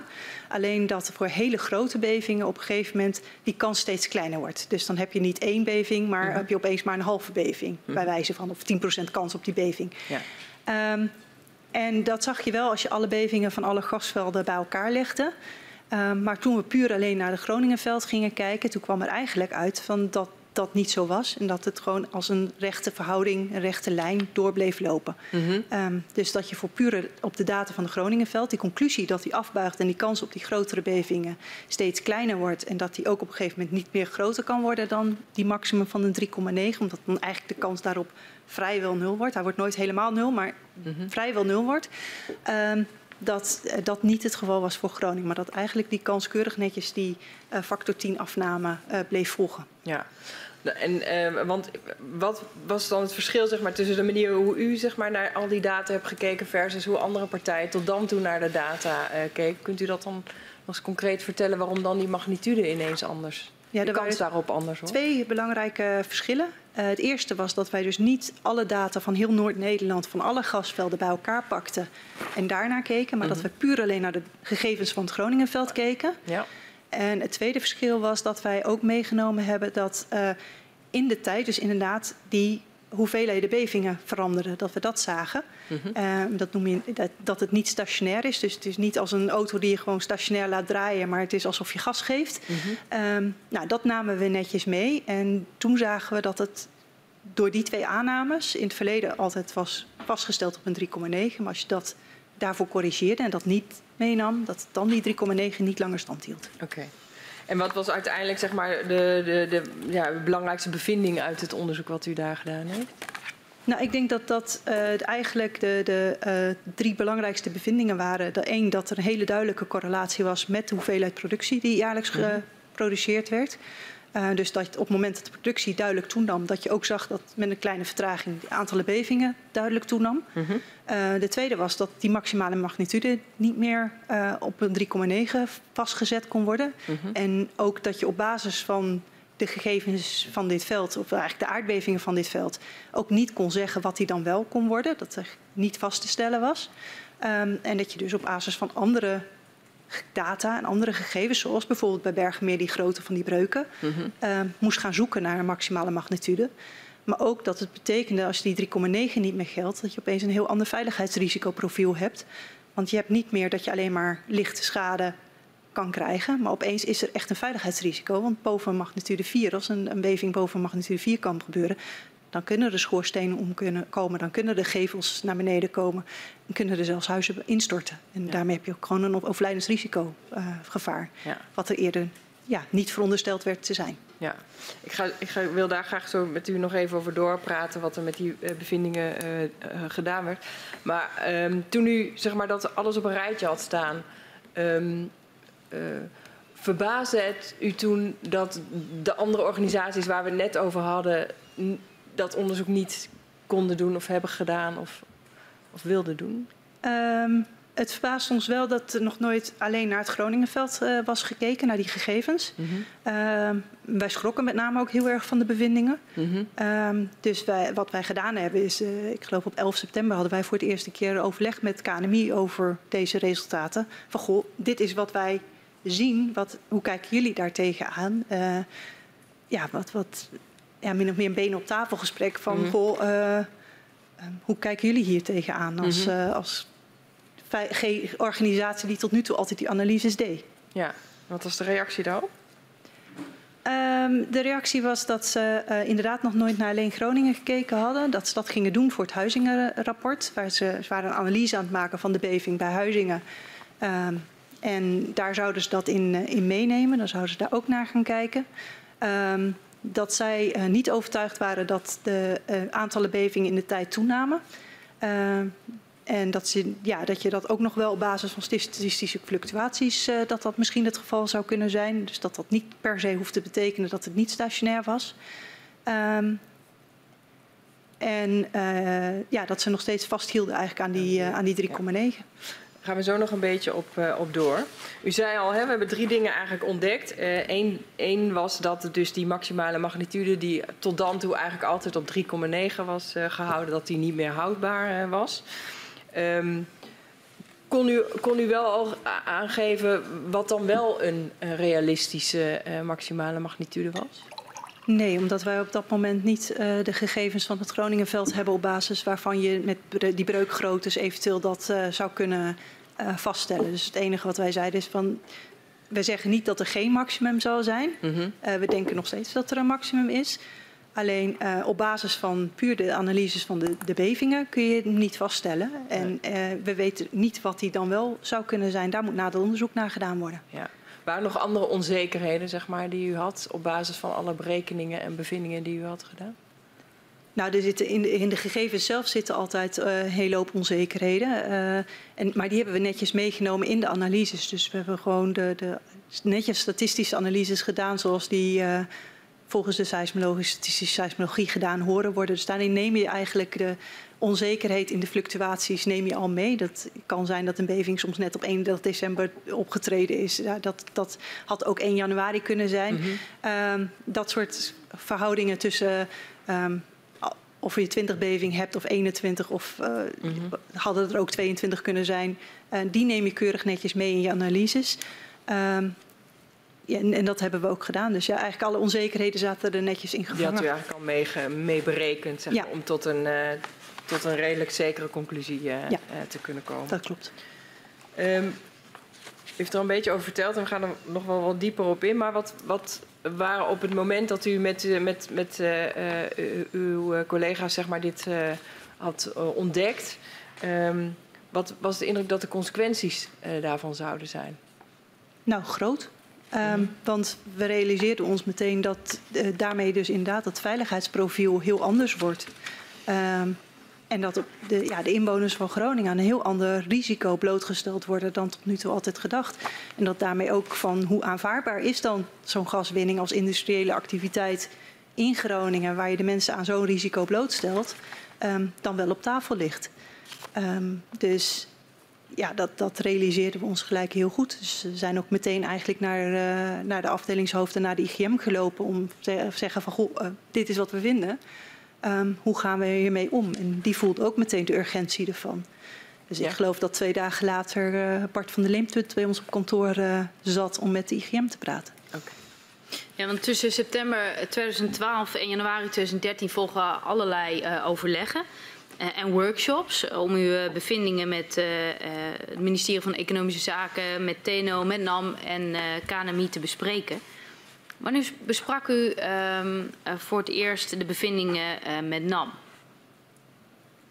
Mag ik in mijn uh, ja, tijdlijn kijken? U, u, gaf net al aan, Van de Leempot kwam vrij snel, maar... Ja, dat was vrij snel. Um... kijk, uh, 13, 13, september okay. is de NAM op de hoogte gebracht van de eerste bevindingen. En jullie, jullie hadden de bevindingen een dag daarvoor klaar? Uh, eind, eind, augustus, begin september, ja. ja. En we hebben ze op 11 september met KNMI besproken ook. Oké. Okay. En hoe reageert de NAM? Ik ben niet bij dat uh, gesprek aanwezig nee. geweest, dus uh, dat uh, durf ik niet Wordt er nog iets teruggekoppeld van het gesprek waar u dan wat van hoort? Hoe de reactie was? Ja, er is wel een terugkoppeling geweest met dat de eerste indruk was dat een stukje ongeloof, een stukje van nou dat willen we eerst nader bekijken. We willen het KNMI vragen hoe die er tegenaan kijkt. Ja. Um, dat was een beetje de, de algemene uh, samenvatting van ja. Ja, hoe wat daar besproken is. En hoe keek KNMI daar tegenaan? Nou ja, zoals ik net aangaf op de, die meeting van 11 september um, hadden ze eigenlijk nog de indruk van nou dat is niet zo. Um, ze zijn er toen wel mee aan de gang gegaan. We hebben op 21 september weer een gesprek met hun gehad. En toen waren ze inmiddels wel van overtuigd dat er uh, geen stationariteit was in het systeem. Dus dat wel degelijk het aantal bevingen aan het toenemen waren. Um, dat daarmee ook inderdaad hun analyse eigenlijk niet uh, meer geldig was. Um, en ja, dat ze dus in uh, de Groningen-rapport uitgebreid naar Groningen zelf zouden gaan kijken. En zouden gaan kijken wat dat dan eventueel betekende. Um, maar ze waren nog steeds van overtuigd dat ook voor Groningen de 3,9 zou blijven staan. Is dat te volgen? Ik ik vind het, hoe u het nu uitlegt, vind ik het lastig te volgen. Hoe, hoe, hoe, hoe kan dat dan, dat ze dat zo uitleggen?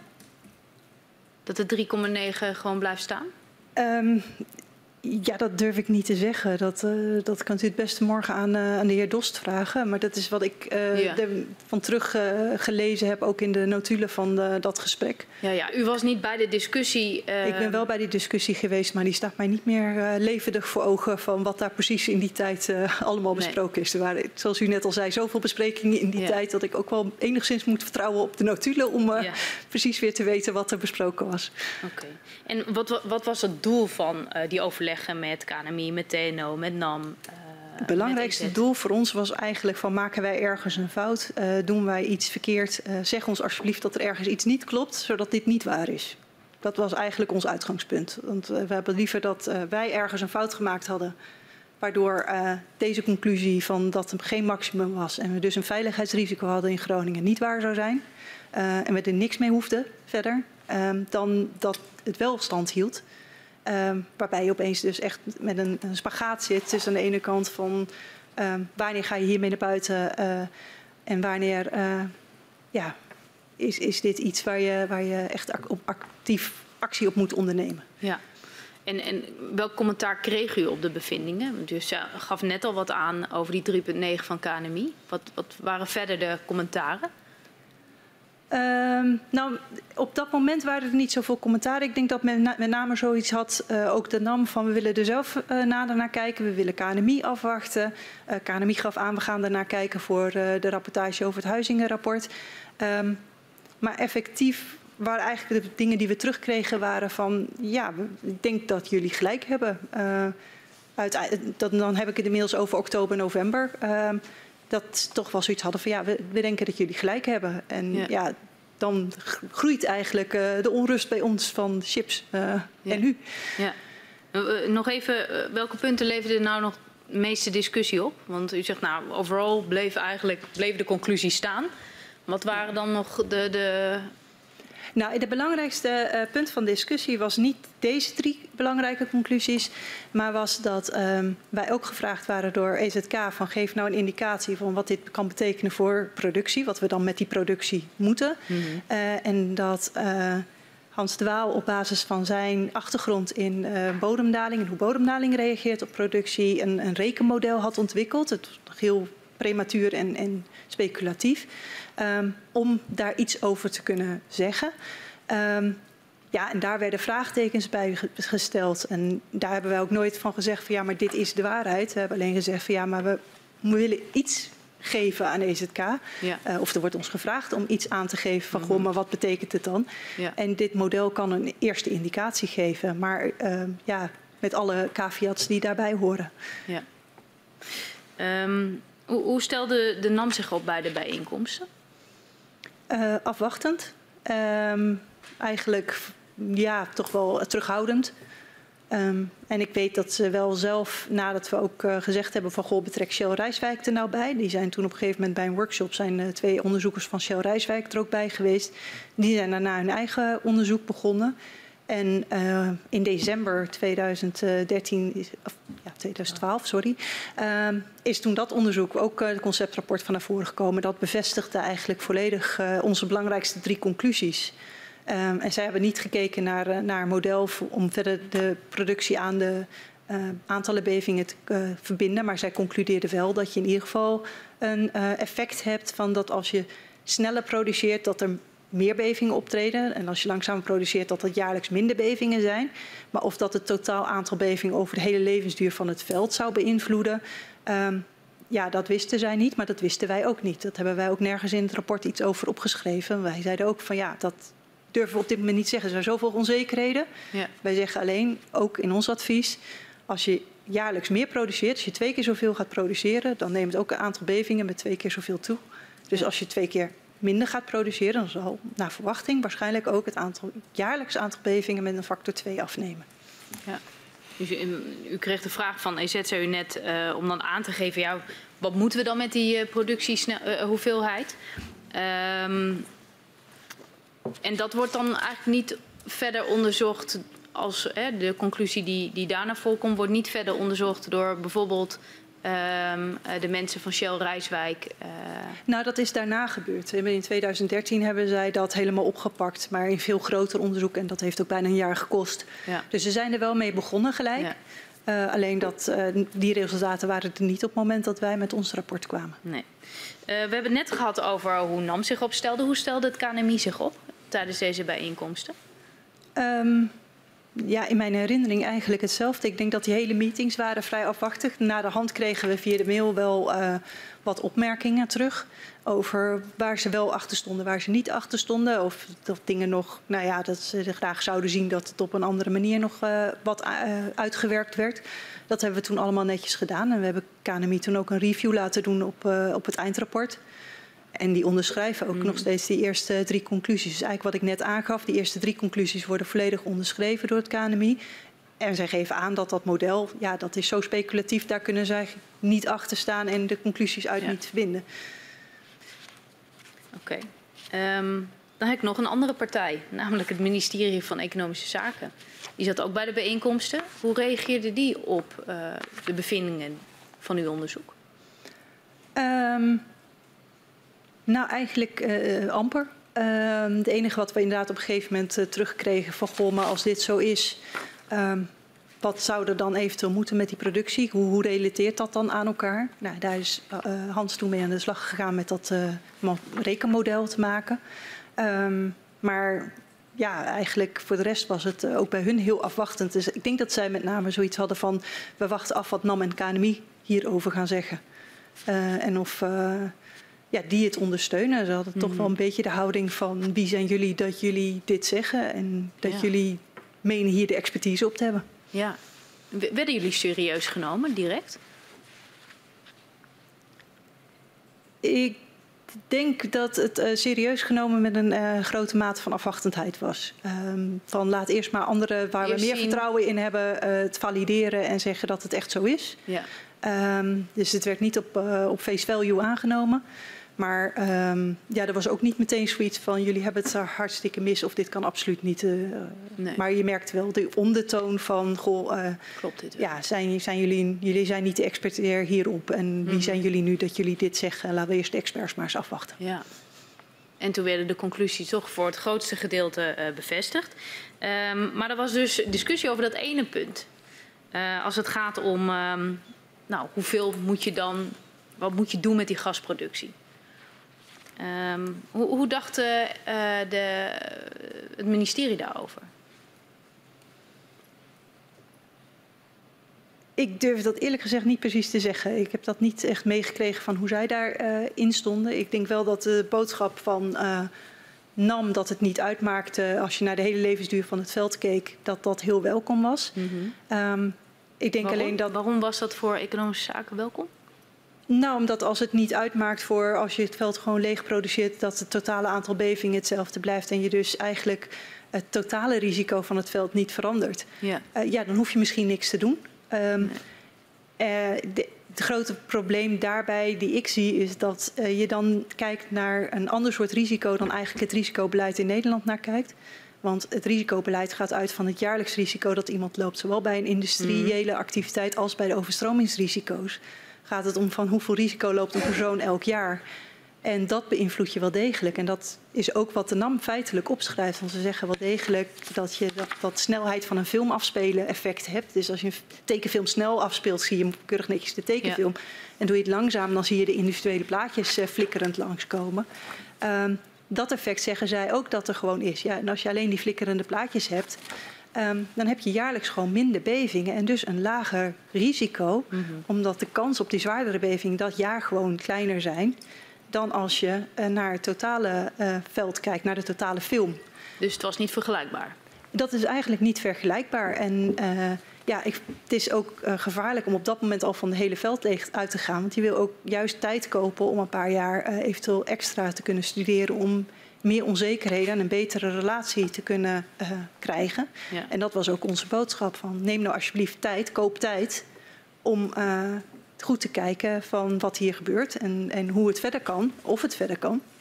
Uh, maar in de tussentijd verlaag nou alsjeblieft zo snel mogelijk dat risico wat de Groningers uh, komende jaren loopt. Ja, Academie gaf aan, hè, dat was ook een discussiepunt, dat ze niet goed wisten hoe dat model dan uh, in zijn werking, of in ieder geval wel onvoldoende iets mee, mee, mee konden.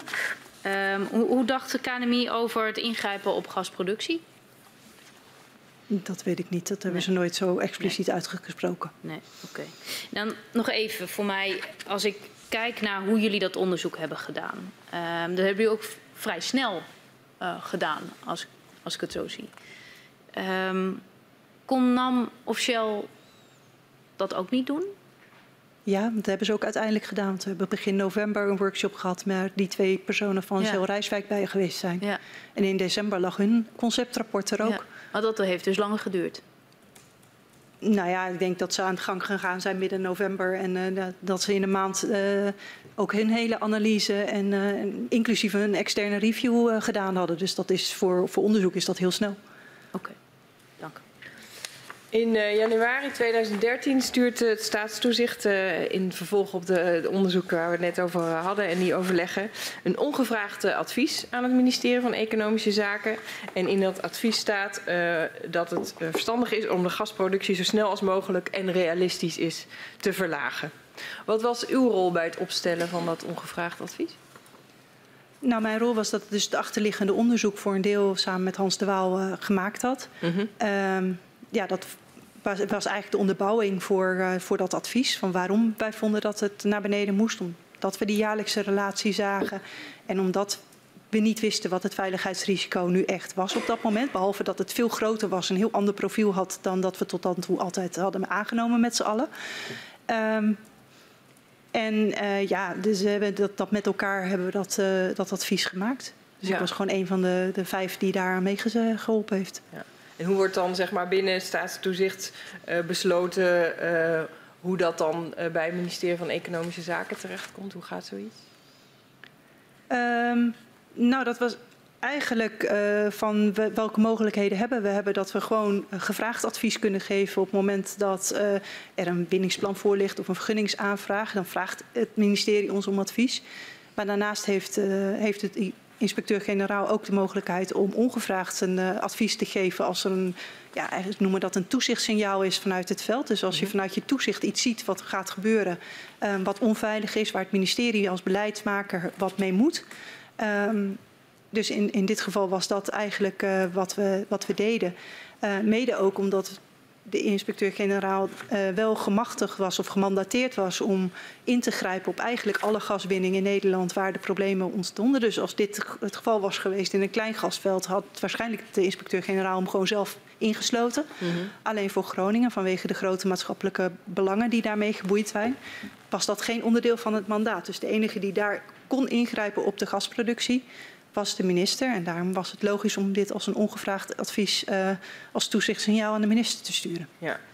En u zei al van we hebben met z'n vijven uh, daaraan uh, gewerkt. Hoe, Was u met z'n vijven met elkaar eens? Of was daar nog verschil van inzicht over hoe dit aan te pakken? Nee, we waren met z'n vijven waren we het eens uh, over de uitkomsten. Uh, daarbij moet ik wel zeggen dat Jan de Jong en Jan van Herk vooral uh, op ons drieën leunden. En wij waren het met elkaar eens en werd dus ook breed ondersteund. Want mm -hmm. ook het onderzoek van de NAM in december bevestigde wat we gevonden hadden. We hadden een KNMI conceptrapportage van de Huizingen-aardbeving gezien. Die bevestigde ook wat wij gevonden hadden. Dus eigenlijk werd het onafhankelijk van alle kanten inmiddels bevestigd.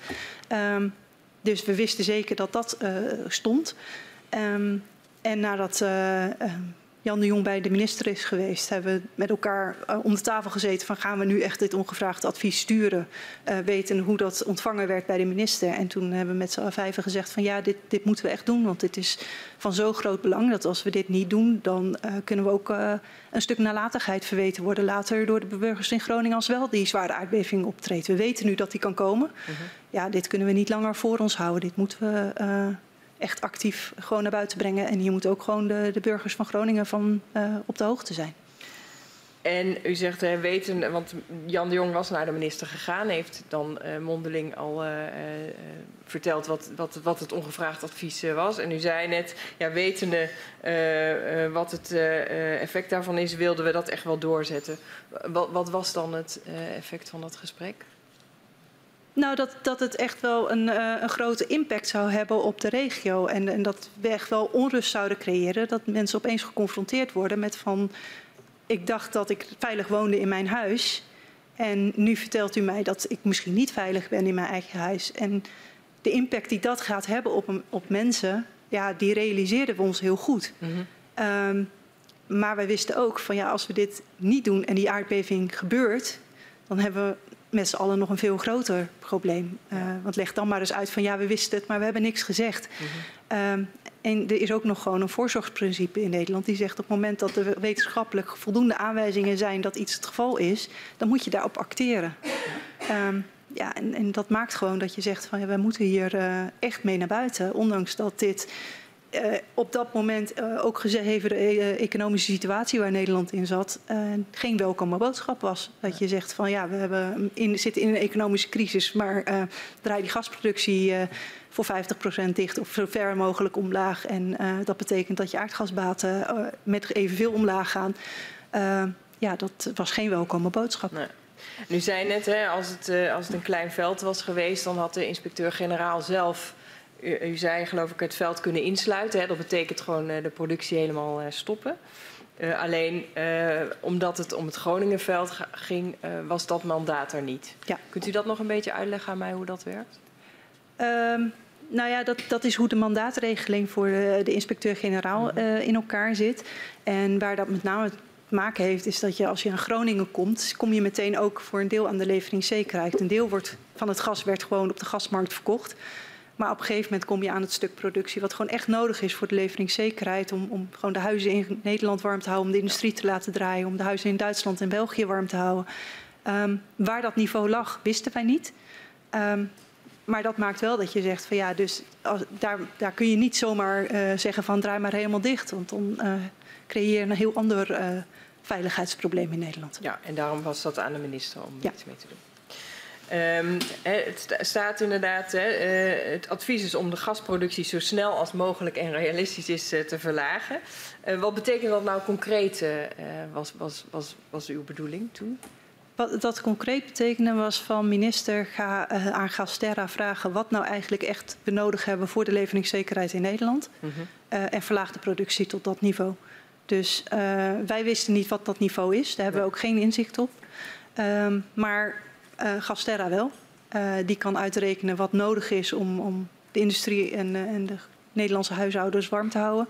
Uh, ja, ga bij hun navragen wat dat niveau echt is. En ja, zorg nou in ieder geval dat je zo laag mogelijk gaat zitten dan om, om die veiligheid in Groningen te verbeteren. Ja.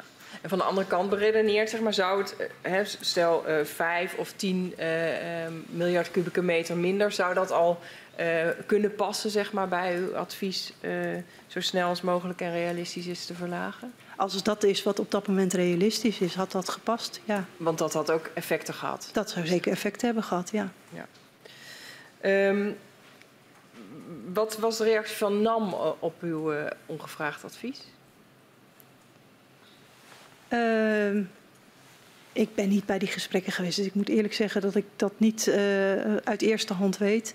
Ik weet wel dat zij uh, dat ook geen welkome boodschap vonden. Kijk, NAM wint natuurlijk graag zijn gas om dat daarmee hun business case gerealiseerd wordt. Mm -hmm. um, dus minder gas winnen is altijd een vervelende boodschap, uh, lijkt mij. Ja, maar u heeft geen uh, uh, directe contacten daarover met NAM Nee, ik denk ook niet dat daarover veel tegen ons geuit is. ik denk dat die gesprekken met name met het ministerie hebben plaatsgevonden. Ja. Uh, ook kwam er een, uh, het getal van uh, 12 miljard kubieke meter op een gegeven moment als zeg maar, doelstelling van de gasproductie. Um, vanuit de koker van staatstoezicht. Hoe, hoe kwam staatstoezicht tot dat richt aantal kubieke meters? Nou, dat was eigenlijk was dat geen, geen richt aantal kubieke meters. Okay. Uh, in het rekenmodel wat wij ontwikkeld hadden, uh, zat eigenlijk een, een calibratieparameter. Dat is een, eigenlijk een parameter waarmee je probeert om je modelvoorspelling zo dicht mogelijk bij de data te brengen, dus bij de gegevens die je hebt. En uh, ja, die, die stem je af net zolang totdat die twee zo goed mogelijk met elkaar in overeenstemming zijn. En dat, daar kwam die 12 uit. Hm. En in het rekenmodel um, was dan eigenlijk de 12 was een, een getal waarbij er de kans op bevingen boven de anderhalf heel klein werd. Mm -hmm. um, en dat hebben we ook zo opgeschreven in dat advies. Um, ja. En dat is zijn eigen leven gaan leiden en dat is heel jammer. Ja.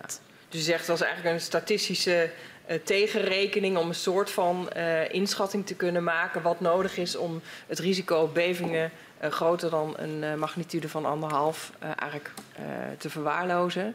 En daar, het was eigenlijk gewoon een rekenkundig. Ja, dat was dus in verzoek op of dat verzoek van EZK van goh, maar wat moeten we dan en wanneer zou er dan het risico helemaal weg zijn? Uh, hadden we dat rekenmodel uh, ontwikkeld. En ja, daarin was dit een parameter die eruit kwam als zijnde van nou ja, dan zou dat misschien uh, helemaal weg zijn. Bij uw ongevraagde advies is ook een, position paper van het KNMI bijgevoegd. Um, waar, waarin KNMI eigenlijk duidelijk maakt dat het niet alle conclusies van staatstoezicht op de mijnen onderschrijft. En ze doet een aantal, het doet een aantal eigen aanbevelingen. Welk deel van het rapport werd niet door het KNMI ondersteund? dat rekenmodel. Dan, en dan hebben we het over die twaalf. Uh, de, de twaalf, uh, ja, met name die conclusie van dat dat rekenmodel dat zou kunnen voorspellen. Uh, dat werd niet door hun ondersteund. Maar de belangrijkste conclusies van dat er een relatie was tussen de jaarlijkse aantal bevingen en de productie. Mm -hmm. En de, dat die maximale magnitude van 3,9 niet langer uh, geldig was, maar dat die veel hoger zou kunnen liggen. Uh, dat werd volledig ondersteund. En uw advies dat de gasproductie zo snel als mogelijk en realistisch is om dat te verlagen. werd dat deel door het KNMI ondersteund? Uh, daar hebben ze verder geen uitspraak over gedaan. Want ze hebben puur naar ons achterliggende rapport gekeken en niet naar het hoofdadvies uh, zelf. Ja. Maar het feit dat ze dus wel die relatie tussen de jaarlijkse aantal producties ondersteunden. Um, ja, daarmee zeg je dus wel van als je inderdaad dus naar beneden gaat, dan uh, gaat dat aantal bevingen ook naar beneden. Ja. Nou had KNMI dus zelf ook een aantal aanbevelingen, maar die nam het staatstoezicht niet over. Wat was daar de reden voor? Uh, dat was eigenlijk omdat dat position paper puur bedoeld was om uh, te laten zien waar de gemeenschappelijke deler zat. Dus waar iedereen het over eens was. Mm -hmm. En waar nog speculatieve onderdelen zaten. Um, dus het was niet meteen bedoeld als uh, ja, sturing van het onderzoek. Het was puur bedoeld als validatie naar EZK. Van kijk, onze belangrijkste conclusies worden echt goed ondersteund. En mm -hmm. ja, de, de reden waarom we dit advies sturen, dat wordt echt breed gedragen. Maar er zijn ook speculatieve onderdelen. Juist omdat we zelf ook vonden dat dat model uh, heel speculatief was en nog heel erg prematuur. Ja. Um, toch wekt dat weer de indruk dat uh, staatstoezicht en KNMI op een aantal uh, onderdelen niet met elkaar eens zijn. Wat, wat, waren de gevolgen van dat ja, niet met elkaar eens zijn? Um, ik denk dat het een opening bood aan de minister om te zeggen van ik ga on extra onderzoek doen. Ik wil uh, eigenlijk even uh, door op uh, wat de minister vervolgens met advies deed. Maar u triggerde nog even omdat u zei, ja die 12 miljard kuub, dat is een eigen leven gaan leiden. Wilt u dat maar toelichten? Um... Ja, nou, dit is later heel vaak gezegd dat wij geadviseerd hebben dat in 2013 dat we naar 12 BCM moesten, of naar 12 miljard kubieke Mhm. meter. Uh, maar dat heeft nergens in de, die adviezen gestaan. Het advies was altijd zo laag als realistisch mogelijk. Um, dus de, de, die andere interpretatie ja. die aan die 12 gegeven is, die uh, ja, is eigenlijk uh, jammer. Want ja. ook bij een hogere productie kan het wel degelijk veilig zijn. Want we wisten dat het als het maar onder de 3,9 bleef, dat het een, een, acceptabel risico was met dat er puur lichte schade kon optreden. Dat werd toen geaccepteerd als acceptabel risico, dat er geen veiligheidsrisico was. Ja. Um, ja, als dat weer terugkomt omdat je op een hogere productieniveau, bijvoorbeeld bij 20 al op dat niveau zit, um, ja, dan uh, is, is dat niet in verhouding met 12, waarbij we zeiden van dan zouden in dit rekenmodel geen vinger boven de anderhalf meer optreden. Mm. Want dat zit je eigenlijk veel en veel lager. Dus ja. vandaar dat die 12 BCM als zijnde van dan is het veilig, ja. toen echt een, een andere uh, interpretatie gekregen heeft. Oké, okay, helder. Um, nadat minister Kamp het advies van uh, SODM uh, heeft ontvangen, besluit hij de gaswinning niet nog te verminderen. En hij laat nader onderzoek doen omdat er nog te veel onzekerheden zijn. Wat vond u van het besluit om um, die gaswinning niet te verminderen? Onverstandig. Ja. En ik denk dat dat ja, mede ingegeven werd door de, de economische situatie op dat moment. En zoals ik net zei, er werd een opening geboden van... ja, er zijn onzekerheden, men is het niet op alles eens. Mm -hmm. um, ja, dat kon hij aangrijpen om... Uh... Want in feite zei u met het onderzoek ook... er zijn ook gewoon nog bepaalde onzekerheden, maar... Zorg er nou voor dat je in de tussentijd, um, uh, zoals realistisch mogelijk kan, uh, de productie vermindert. Ja, en dat, dat is typisch het voorzorgsbeginsel. Wat eigenlijk ja. zegt van ja, er zijn een hoop onzekerheden, maar als de wetenschap uh, toch wel opkomt van ja, over dit zijn we het eens. En er zijn nog wel een hoop onzekerheden, maar uh, koop nu tijd om het verder uit te, mm -hmm. uit te zoeken. Maar, want we weten het niet. Ja. Um, maar er is een hoog risico dat je dan juist inderdaad ingrijpt en zegt van dan neem ik juist om uit voorzichtigheid doe ik het wel alvast. Ja. Um, ja, dat is verankerd in de Nederlandse wetgeving, in de Europese wetgeving. Dus ja, daar beroepten wij ons op van mm. ja, dit, is, uh, dit wordt echt ondersteund. Uh, ja, er zijn nog een hoop onzekerheden. Um, maar dit, is niet voor, dit voorzorgsprincipe is niet voor niks in het leven geroepen. Ja. Juist vanwege uh, dit soort opkomende inzichten die nog veel onzekerheden hebben. En toch wordt dat advies dus niet opgevolgd? Nee, dat klopt. Um, nou ja, we hebben het er al even over gehad, maar wat vond u ervan dat er na de onderzoek werd gedaan?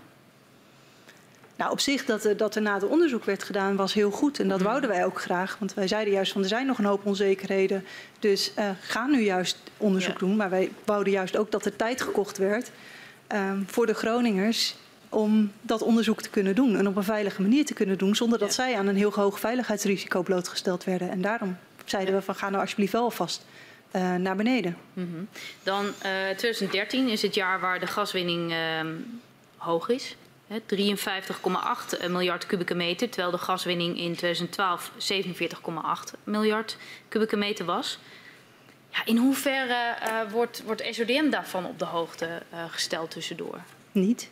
Niet? Nee, we hebben op een gegeven moment uh, de Kamerbrief onder ogen gekregen die in juni naar de Tweede Kamer gestuurd is met dat de gasproductie hoger uit zou vallen vanwege een koude winter. Ja. Um, maar daar stonden geen getallen in. En uh, wij zijn verder niet op de hoogte gesteld van hoe hoog dan of wat precies aan de hand was. En is dat dan, als zo'n brief binnenkomt en, en dat staat erin, um, terwijl jullie een advies hebben gegeven uh, dat je minder zou moeten produceren. Is dat dan nog een trigger om iets te doen, om het gesprek aan te gaan? Uh, het is in ieder geval een trigger dat je denkt van hoe kunnen jullie dit doen? Mm -hmm. um, ik weet niet in hoeverre er echt gesprekken zijn aangegaan. Uh, dat uh, zou je Jan de Jong moeten vragen. Die, dat zal op dat niveau plaatsgevonden hebben, niet ja. op ons niveau. Oké. Okay. Um, ja, wat vond u van de omvang van deze, deze productie? Erg hoog. Het is uh, ook, ook, boven het niveau wat over langjarig afgesproken was. En ja, het, het, het was het ho hoogste niveau sinds midden jaren zeventig. Dus mm. het uh, was heel, heel hoog. Hoe reageerden uw collega's, waar u ook het onderzoek mee heeft gedaan, uh, op Nou, ik denk op dezelfde manier als ik. We hadden eh, ongeloof eh, Ja. van hoe kan dit? Eh, je geeft een vrij dringend advies, ehm, gebaseerd op conclusies die breed gedeeld worden. Ehm, en dan eh, in plaats van iets naar beneden te gaan, in ieder geval iets te doen eh, voor de veiligheid, eh, ga je de gaskraan vol opendraaien. Ja, dat, dat is eh, ongelooflijk eigenlijk. Ik Ja. kan niet anders onder woorden brengen.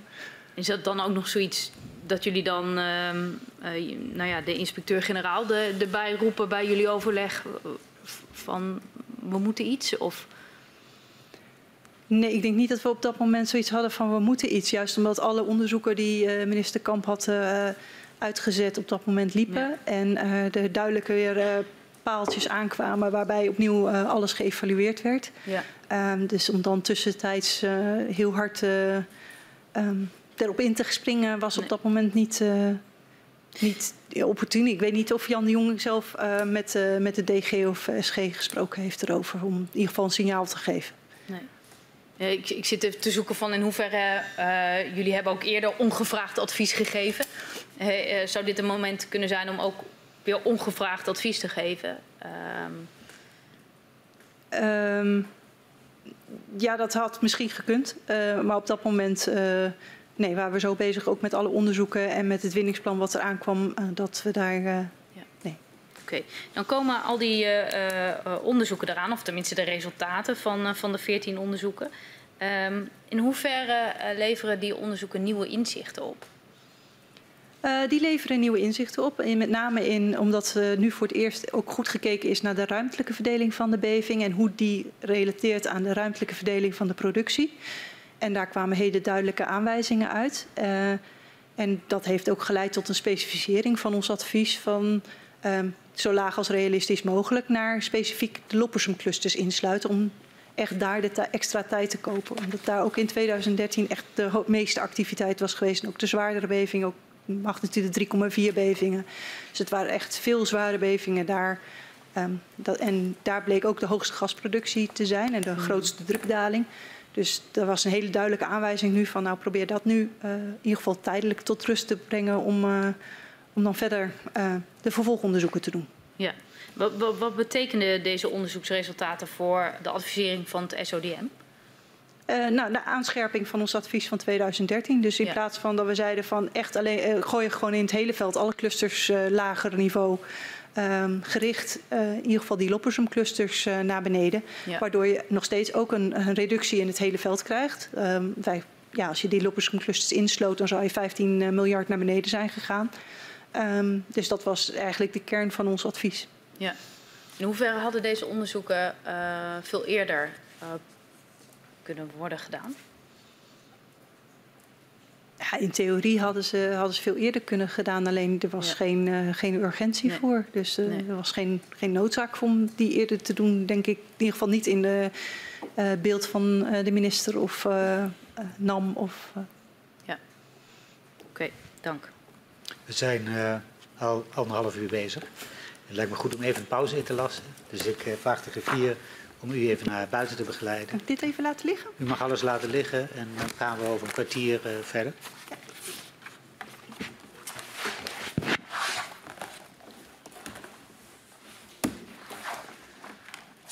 Ik uh, schors uh, de vergadering tot kwart over drie.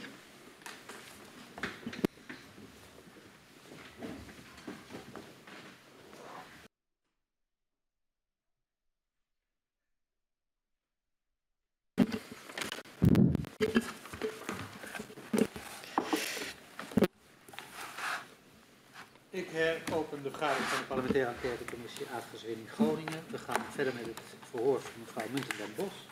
Ik verzoek de griffier om haar naar binnen te begeleiden.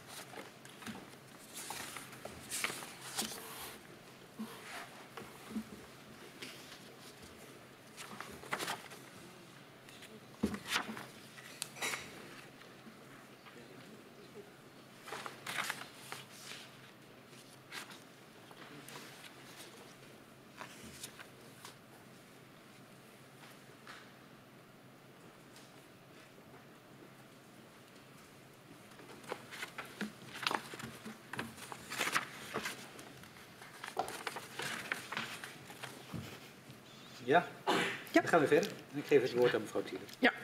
En we willen het met u hebben over die adviezen van staatstoezicht op de mijnen. En we hadden voor de uh, schorsing ook al eventjes over uh, het advies van uh, 2013. Het ongevraagde advies waarin staatstoezicht zegt... Hè, de gasproductie zou zo snel als mogelijk en realistisch is ver verlaagd worden.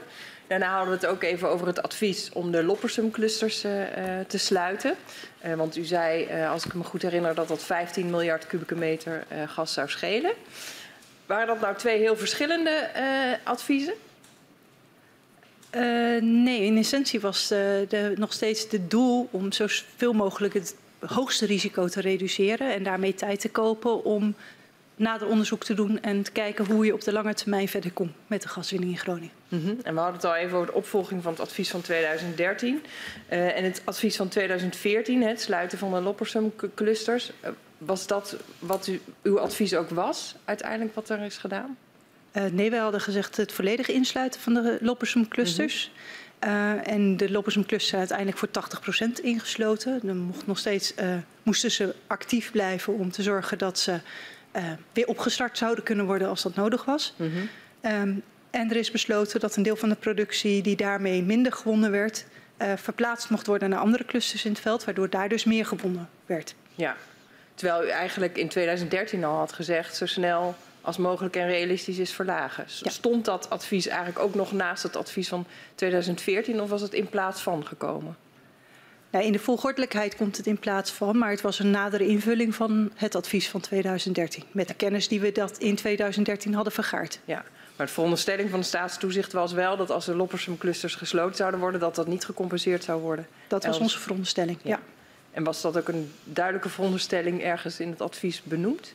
Nee, dat staat niet expliciet benoemd in het advies. Wel dat daarmee uh, 15 miljard minder geproduceerd zou gaan worden. Hm. Maar er staat niet expliciet in van, uh, dat, dat, uh, ja, dat je da dat ook echt moest doen. Ja. Um, daarna komen er ook adviezen over vlakker en gelijkmatiger produceren. Vanaf welk moment wordt dat onderdeel van het advies van staatstoezicht? Als ik mij goed herinner is dat vanaf 2015 mm -hmm. uh, dat dat erin komt. Uh, mede ingegeven door de achtergronden van uh, Hans Droest en Hans de Waal in gesteentemechanica en de bodemdaling. Dat de snelheid waarmee je produceert, dat het gesteente daar op een andere manier op reageert. Mm -hmm. um, en we hadden onderzoeken uitgezet, ook in, bij het CBS en bij TNO en bij Delft. Um, om te kijken van, goh, zien we daar ook aanwijzingen voor in het veld? En het leek alsof daar aanwijzingen voor waren. En toen is dat uh, ook een onderdeel geworden van het advies. Ja, u vertelt al uh, over de inhoudelijke achtergrond daarvan, maar hoe komt zo'n advies nou uh, tot stand bij het staatstoezicht? Uh, nou, met name van hoe kunnen we de, de bevingsactiviteit zo laag mogelijk maken. Dus je kijkt naar alle processen die een rol spelen. Mm -hmm. uh, je ziet in het Loppersumgebied het, het rustiger worden. We hebben eind 2014 een advies uitgebracht uh, naar aanleiding van de verhoogde seismiciteit bij Eemskanaal en het zuidwesten van, uh, van het Groningenveld. En uh, daarin concludeerden we eigenlijk dat dat kwam doordat daar de productie opgehoogd was. En ja, dan zie je toch weer dat uh, de relatie met de productiesnelheid heel duidelijk is. Um, en er waren toen ook aanwijzingen uh, in het TNO-onderzoek van dat uh, de maandelijkse productiefluctuaties. Uh, we hebben in het verleden altijd gehad dat in de winter heel veel gewonnen werd en in de zomer veel minder. En dat je die fluctuaties eigenlijk ook terugzag door de jaar heen in de aantallen bevingen. En dat waren aanwijzingen waardoor nou, met de achtergrond van, van Hans Roest en Hans de Waal eigenlijk één en één bij elkaar opgeteld werd. En de nadruk kwam te liggen ook op van nou misschien moeten we die fluctuaties die tussen de zomer en de winter ook gaan beperken. Omdat die winter misschien een extra, die hoge producties een extra uh, zetje tegen het systeem geven. -hmm. en, en zijn die adviezen om dan vlakker of gelijkmatiger te produceren uh, voordat ze uh, formeel schriftelijk werden vastgelegd, ook informeel of mondeling besproken met NAM of ministerie van Economische Zaken? Uh, de meeste adviezen werden van tevoren wel gedeeld met, uh, met economische zaken. Dus in dat opzicht uh, ja. En ja. De, ook de onderzoeksresultaten van TNO die zaten altijd bij onze adviezen. Die, die werden dan ook door ken, kon NAM kennis van nemen. Mm -hmm. En gebeurde daar dan nog iets, iets mee? Ik bedoel, veranderde dan nog iets aan de adviezen? nee, over het algemeen veranderde de inhoud van de adviezen weinig. Um, op enkele keren na. We zijn wel adviezen geweest die met de minister zijn hebben gesproken. En vervolgens um, anders uitpakten dan dat wij van tevoren van plan waren. Um, uh, kunt u dat iets concreter beschrijven? Ja, dat kan ik. We hebben in het najaar van 2015 een advies ge gegeven om naar 39,4 miljard kubieke meter te gaan. Um, of nee, dat was 2014, sorry. Dat was het Eemskanaaladvies. Mm -hmm. um, en dat kwam dus voort uit dat wij zagen dat die productie in het zuiden omhoog was gegaan. Dat daar de seismiciteit ook toegenomen was. Uh, en we hadden toen een aantal jaren naast elkaar gezet, 2012, 2013, 2014. We hadden een paar jaar teruggekeken van goh, hoe heeft die seismiciteit zich ontwikkeld. Um, en we hadden toen de indruk van oké, okay, dat zuidwesten moet je ook weer echt de productie terug naar beneden brengen. Uh, en wij zaten toen te denken aan hetzelfde advies als voor het Lopsum clusters van breng het daar zo laag mogelijk. Want ook dit is een cluster waar veel seismiciteit optreedt. Um, daarmee uh, is dat besproken met de minister uh, door de IGM.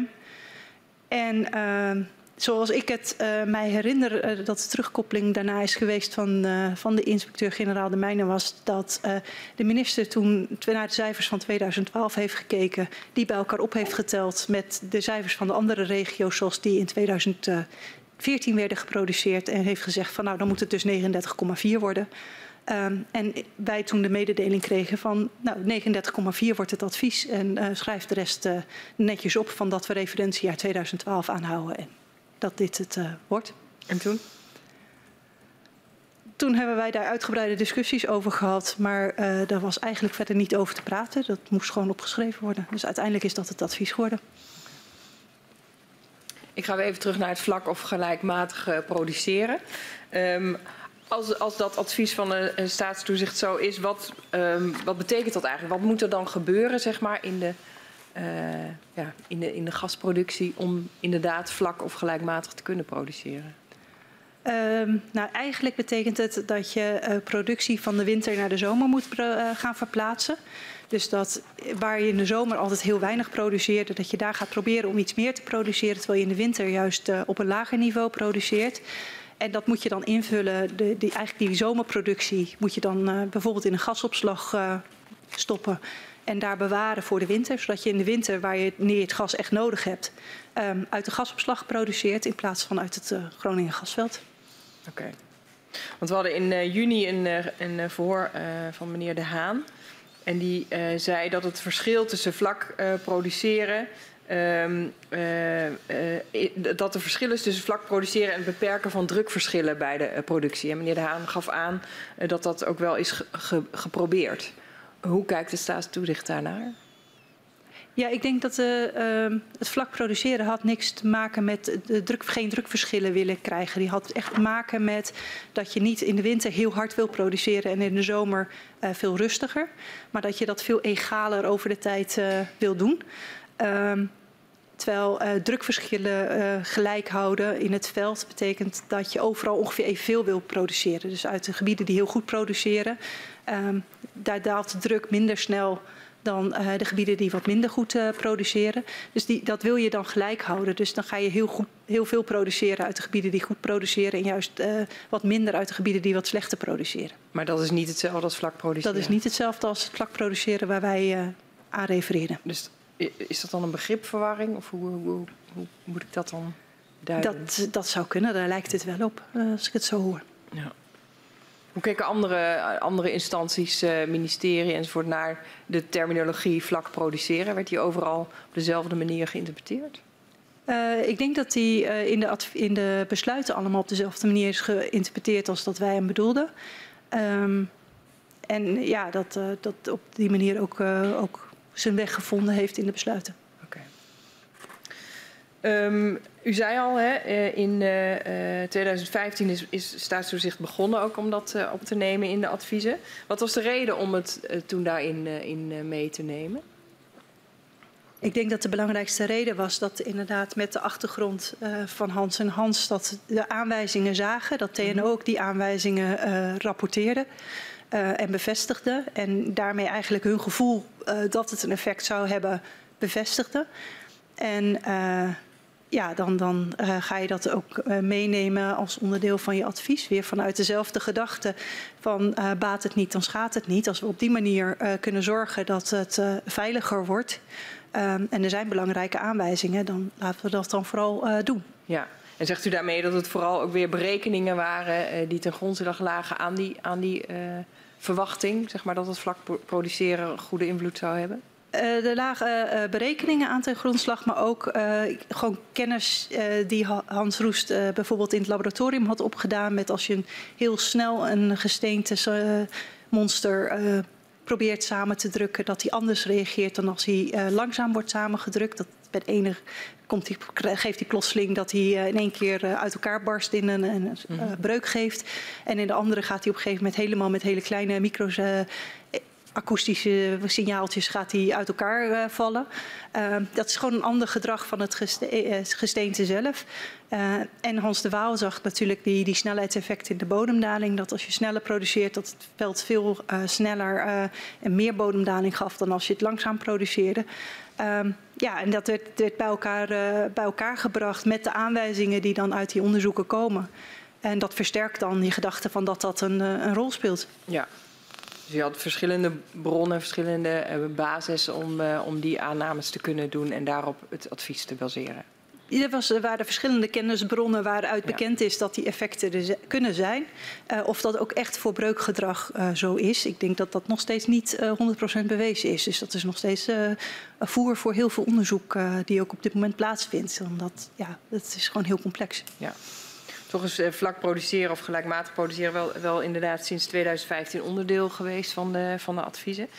Wat is uw indruk dat de gevolgen waren van die nadruk op dat vlakke en gelijkmatige produceren? Uh, dat daardoor de winning uh, minder naar beneden kon dan uh, anders misschien had gekund. Omdat er ook heel sterk werd aangegeven, ook door de NAM, van als we weer lager gaan produceren, dan krijgen we juist weer meer fluctuaties. Dus als jullie die fluctuaties willen beperken, dan moeten we op een hoger winningsniveau blijven produceren. Had het staatstoezicht dat effect ook uh, verwacht? Ik denk dat we dat niet meteen uh, verwacht hadden, maar toen het werd aangegeven hebben we het wel uh, meegenomen en meegewogen. ik denk ook wel dat het een, een welkome boodschap was,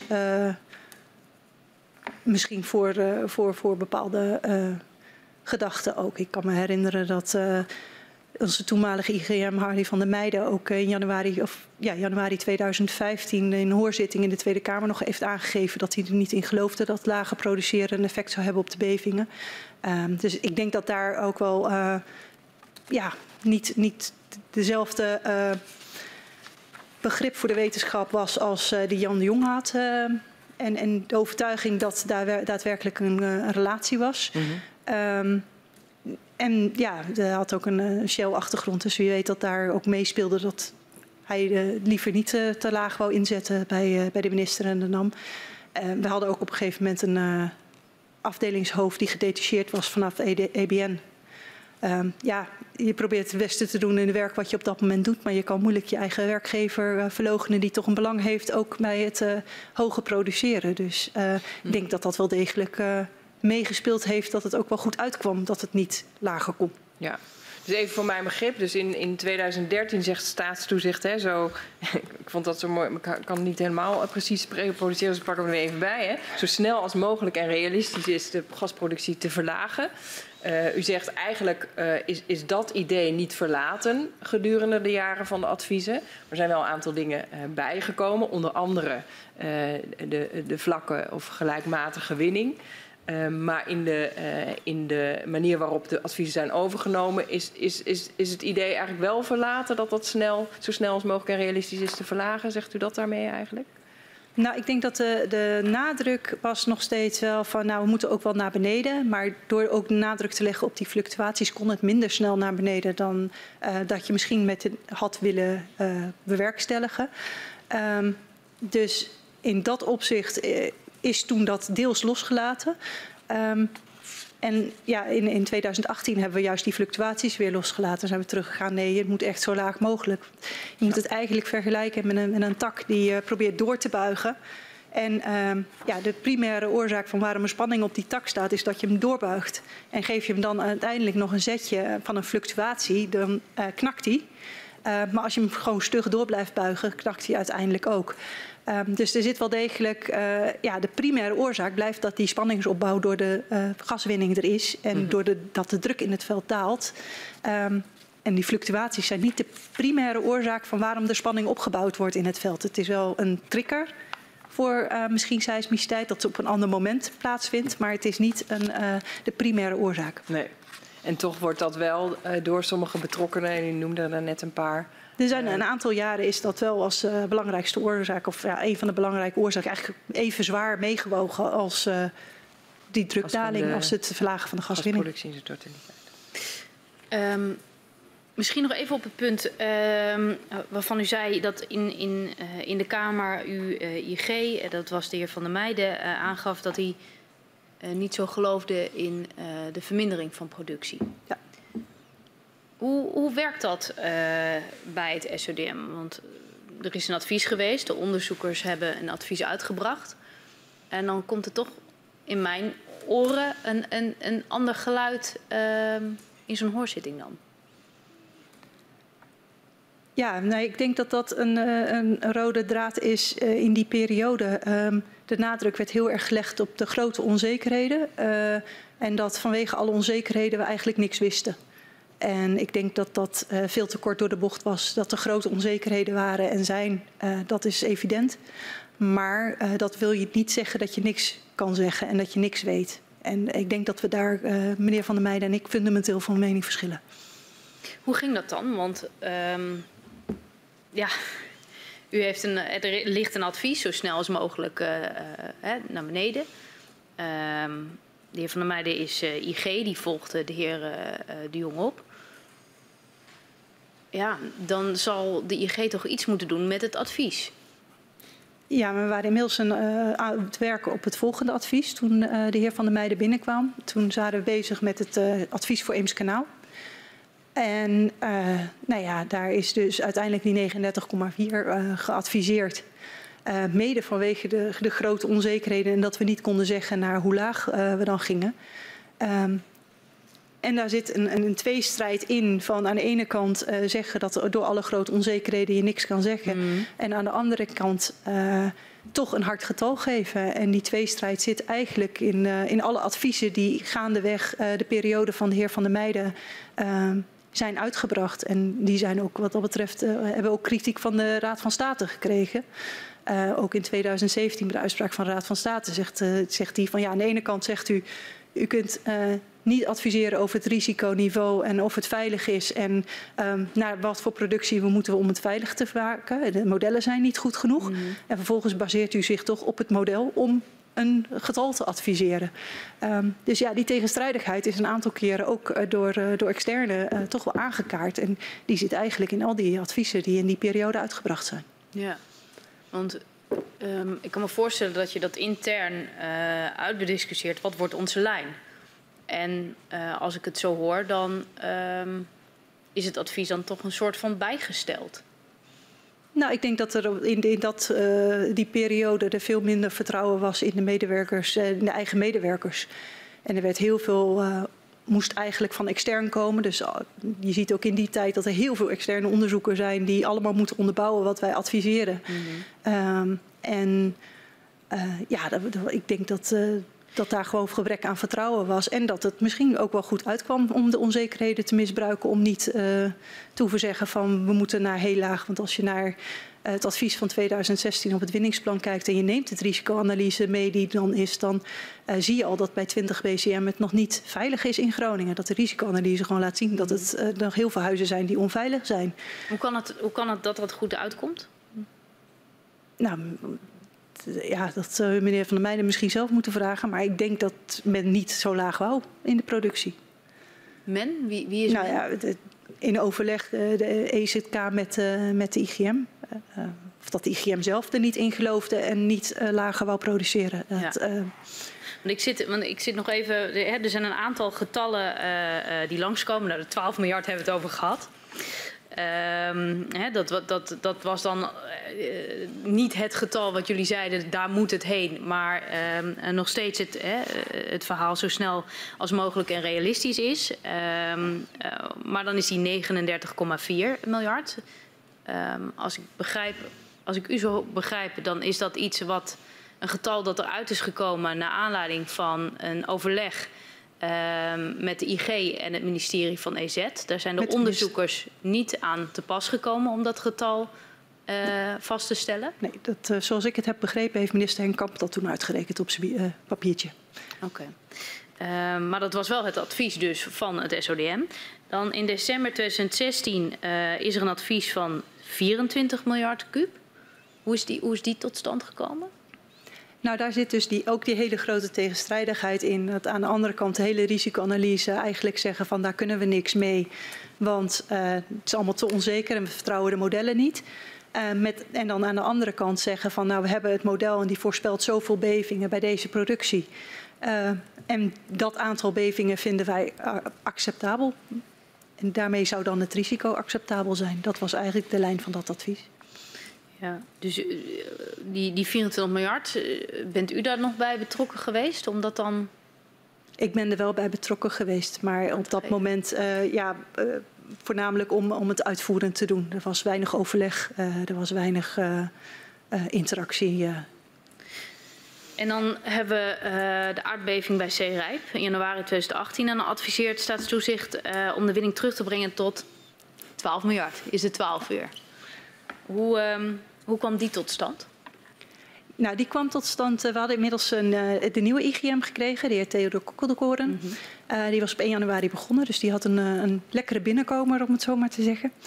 Um, en ja, die, daar hebben we wel echt de risicoanalyse gepakt. En die had wel zoiets van: nee, dit is wat er ligt. Raad van State was ook heel duidelijk. Als je er iets ligt, en je, dan moet je het gebruiken en dan mag je eventueel een worst case nemen of je moet een marge inbouwen. Maar je moet gebruiken wat uh, het beste is wat de wetenschap kan, uh, kan geven om de risico's zo goed mogelijk in kaart te brengen.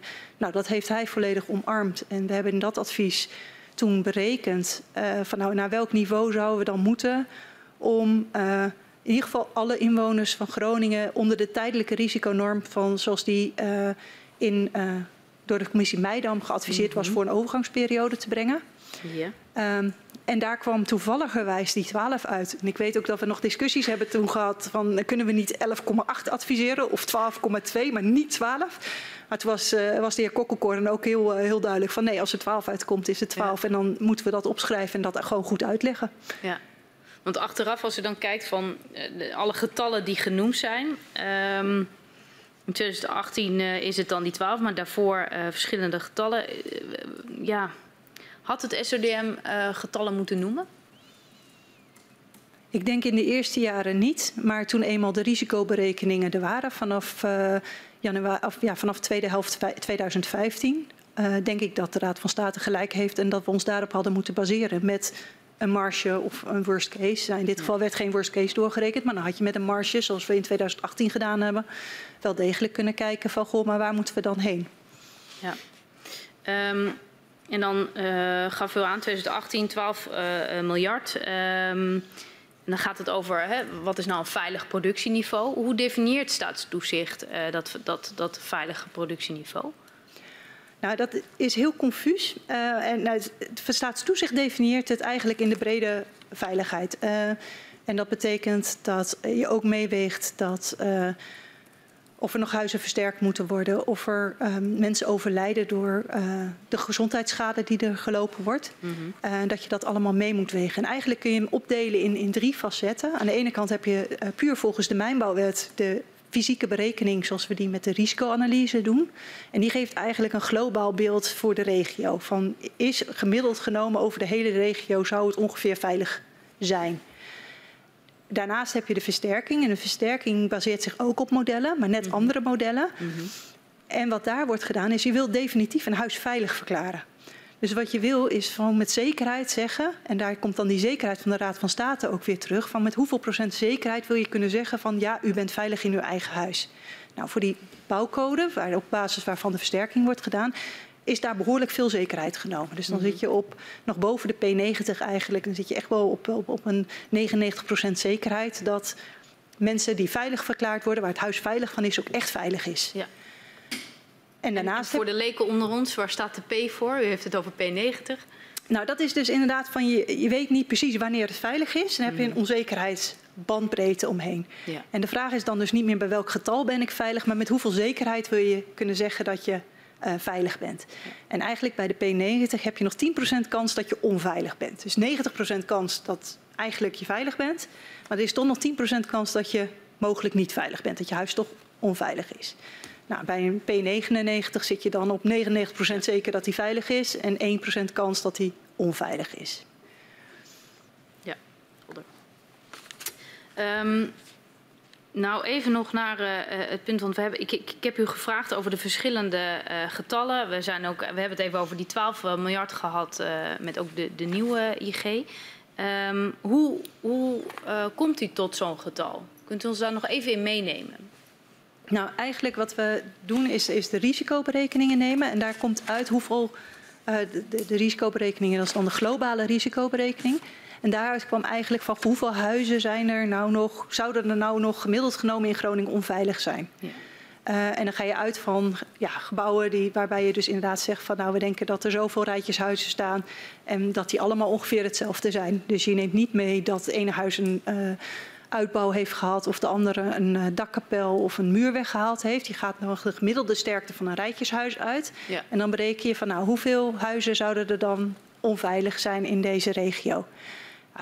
Op basis daarvan kwamen we eruit dat er, um, um, ik weet de exacte getallen even niet meer, maar een paar honderd huizen um, boven de 1 op de 10.000 ja. zat. Uh, de kans dat die niet veilig waren. En, en, dat was de tijdelijke risiconorm, 10 tot de macht min 4. Mm -hmm. En dat er een paar duizend huizen boven de uh, 10 min 5 zaten. Dus echt dat die uh, nog boven de uh, risiconorm zaten. Ja. En um, wij hebben toen wel genomen dat we niet op basis van het gemiddelde risico deden, maar op basis van de P90. Dus we zouden zeker dat alle huizen die voor 90% uh, zeker erboven zaten, of eigenlijk waar, waar de 90% kans was dat ze ja. erboven zaten, die wouden we gewoon goed in kaart brengen. Ja.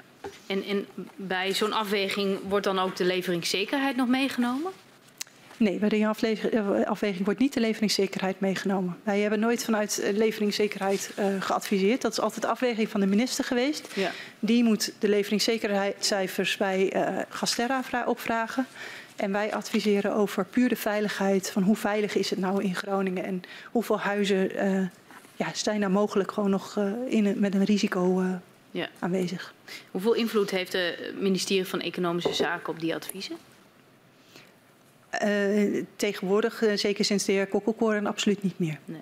Dan worden ze ook niet meer van tevoren uh, nog met hun gedeeld. Ja, oké. Okay. Um, hoe heeft de kennis over het bepalen van een veilig productieniveau zich ontwikkeld in de loop der jaren? Um, nou, die heeft zich enorm ontwikkeld. In de eerste jaren uh, wisten we eigenlijk alleen wat over de seismische dreiging. Dus wel wat voor grondbewegingen kunnen er optreden in Groningen. Uh, en was eigenlijk omdat eerst al die huizen in Groningen in kaart gebracht moet worden van wat voor huizen staan er nou en waar mm. staan ze en waar staan ze dan ten opzichte van die grondbeweging. Um, dat moest goed in kaart gebracht worden. Ook moest geanalyseerd worden van goh, zijn de Nederlandse huizen nou uh, slapper of minder slap of steviger juist dan huizen gemiddeld genomen in het buitenland. Um, dus daar zijn heel veel proeven voor gedaan, heel veel analyses voor gedaan, zowel bij de TU Delft als in Italië, bij uh, onderzoeksinstituten. Dus als een compleet Gronings huis nagebouwd op een triltafel om te kijken van hoeveel trilling uh, dat, gebouw, dat huis nou kon hebben. Uh, als je gewoon een baksteen met Nederlandse bakstenen een huis op zou bouwen daar. Um, en al die kennis is steeds meer meegenomen in die risicoanalyse. Dus um, in 2014 hadden we alleen een dreigingsanalyse, alleen die, hoeveel grondbeweging kan er optreden. En uh, vanaf eind 2015 hadden we ook de eerste berekening van hoeveel is het risico nu echt. Um, en die zijn steeds verder verfijnd. En de NAM heeft daarbij ook de aanname genomen van we beginnen zo conservatief mogelijk. Dus dat betekent dat er in eerste instantie waarschijnlijk een heel hoog risico uitkomt. Mm -hmm. um, maar we gaan steeds verder die modellen ontwikkelen en steeds beter maken, waardoor we uiteindelijk steeds beter inzicht krijgen in uh, de risico's. Uh, ja. Dat heeft voordelen omdat je meteen in eerste instantie gewoon eerlijk bent over van nou zo hoog zou het kunnen zijn. Ja. Waarschijnlijk is het lager, maar um, dit is de, wat, de worst case van de Raad van State. Um, het nadeel is, is dat je wel verwarring creëert bij de inwoners van Groningen over dat dat risico iedere keer naar beneden wordt bijgesteld. En ja, dat is toch voor iemand die niet goed um, in dat onderzoekswereldje zit en weet hoe dat dan gaat uh, en hoe die modellen zich ontwikkelen, uh, is dat heel moeilijk uit te leggen. Dat ja, de ene jaar zeg je van het risico is van jouw huis om in te storten is 1 op de 100.000. En het ja. volgende jaar zeg je opeens van ja, nee, hij is 1 op de miljoen. En ja ja, dat is, dat is heel moeilijk uit te leggen. En dan ga je ook van ja, je moet wel versterkt worden, nou je moet niet versterkt ja. worden. En ja, dat heeft heel veel verwarring en heel veel problemen, denk ik, uh, en onzekerheid ook uh, gecreëerd. Was daar iets aan te doen? Ja. Dan maar houden bij het ene wat we weten? Of, of zegt nee, u... ik, ik denk dat dit uh, vanuit de eerlijkheid de eerlijkste aanpak was en, en ook de beste aanpak was. Alleen vanuit de communicatie. Uh, ja, is, is dat gewoon een stuk lastiger. En ja, daar zijn misschien wel, wel steken, blijf, steken gevallen. Ja. Um, dat is echt, het is heel moeilijk te communiceren en het is heel moeilijk uit te leggen. Maar het is juist ook uh, in, in het geheel van omgaan met die onzekerheden, is het ook lastig, ook voor uh, betrokken partijen. Ze willen heel graag een, een hard getal. Mm -hmm. Maar in deze wereld bestaan geen harde getallen. Je gaat naar met hoeveel zekerheid wil je denkelen dat het veilig is. En niet bij dit niveau is het absoluut veilig. Dan heb ik nog één, uh, één vraag eigenlijk hier uh, over dit onderdeel. Uh, namelijk, in hoeverre waren u en uw collega's ervan op de hoogte dat de hoogte van de winning uit het Groningenveld werd bepaald door het college van gedelegeerde commissarissen van Gasterra en niet door NAM? Ehm, niet ik denk dat wij niet eh, goed op de hoogte waren van hoe dat winningsniveau werd bepaald. We hebben ook pas in 2012 uh, kennis genomen van de gasbrief die in 2006 verstuurd was. Over van dat het gemiddeld genomen zo 420 miljard mocht gewonnen worden. Um, daar zijn wij nooit van, van tevoren van op de hoogte gesteld. Er is ook geen advies over gevraagd. Wat op zich gek is, want normaal gesproken in mijnbouwwettelijk gezien hoort de gasproductie vastgelegd te worden in een winningsplan. En bij alle kleine velden is dat zo. Daar staat een mm. winningsprofiel in. En daar ligt vast hoe je gaat winnen. Ja. En daar kan je wel iets van afwijken met kleine marges. Maar uh, in principe ligt daar vast hoe je je veld gaat winnen. En dat bij Groningen dat dus volledig anders liep, is uh, ja, eigenlijk uh, staat een beetje in, in, in ja, op gespannen voet daarmee, zeg maar. Ja. U vertelde net al wat dingen over veiligheid en risicoanalyse. Zijn een paar dingen die ik daar ook over nog met u wil bespreken om die te kunnen begrijpen. Um, want uh, in oktober 2012 deelt NAM een eerste Study and Data Acquisition Plan om de gevolgen van gasbevingen te, te, te, onderzoeken. Wat vond u van dat onderzoeksprogramma? Ik denk dat dat een heel goed, compleet eerste onderzoeksprogramma was waar de, de, juiste stappen werden gezet om uiteindelijk naar een volledige risico-inschatting te komen.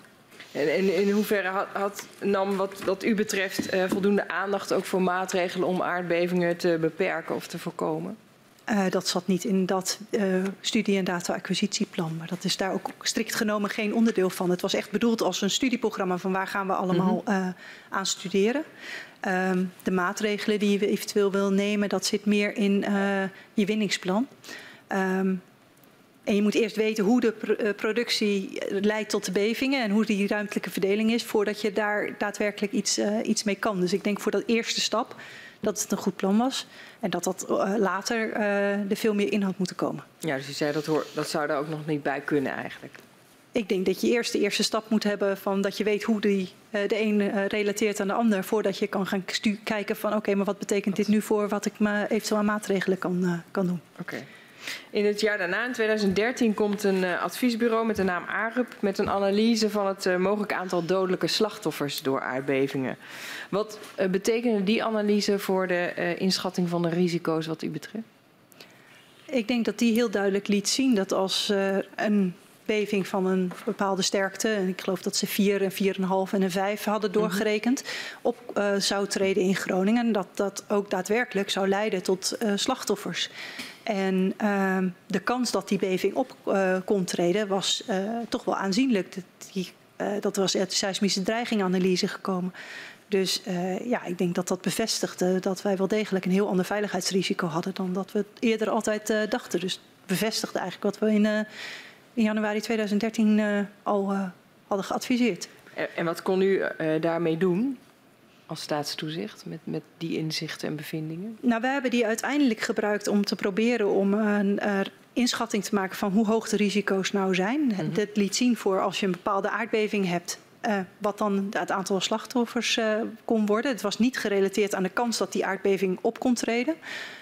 Um, wat wij hebben gedaan is wel die kans op dat optreden van die, die beving meenemen. En daardoor dan uiteindelijk het, uit het samen uitrekenen van hoe groot dan het risico is. Dus kansmaaleffect, hoe groot wordt dan het risico op 100 slachtoffers, op één slachtoffer. hoe groot is het risico dat iemand die in de omgeving van Huizingen woont kan komen te overlijden. Ja, en dat is wat u uiteindelijk ook publiceert in die risicoanalyse aardgasbevingen Groningen eind 2013. Ja, dat toch? klopt. Ja, en daar, u noemde het net al eventjes individueel en groep, hè, maar daar wordt ook het, inderdaad het lokale persoonlijke risico en het groepsrisico beoordeeld. Um, kunt u dat toelichten wat daar het verschil tussen is, wat je daar moet? Ja, het verschil is eigenlijk, het lokaal persoonlijk risico is eigenlijk van voor iedereen die ergens is. En het gaat eigenlijk vanuit van een fictief persoon die 24 uur per dag in een gebouwd huis is.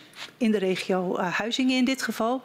Um, wat is jouw kans dat je komt te overlijden ten gevolge van een aardbeving op die locatie?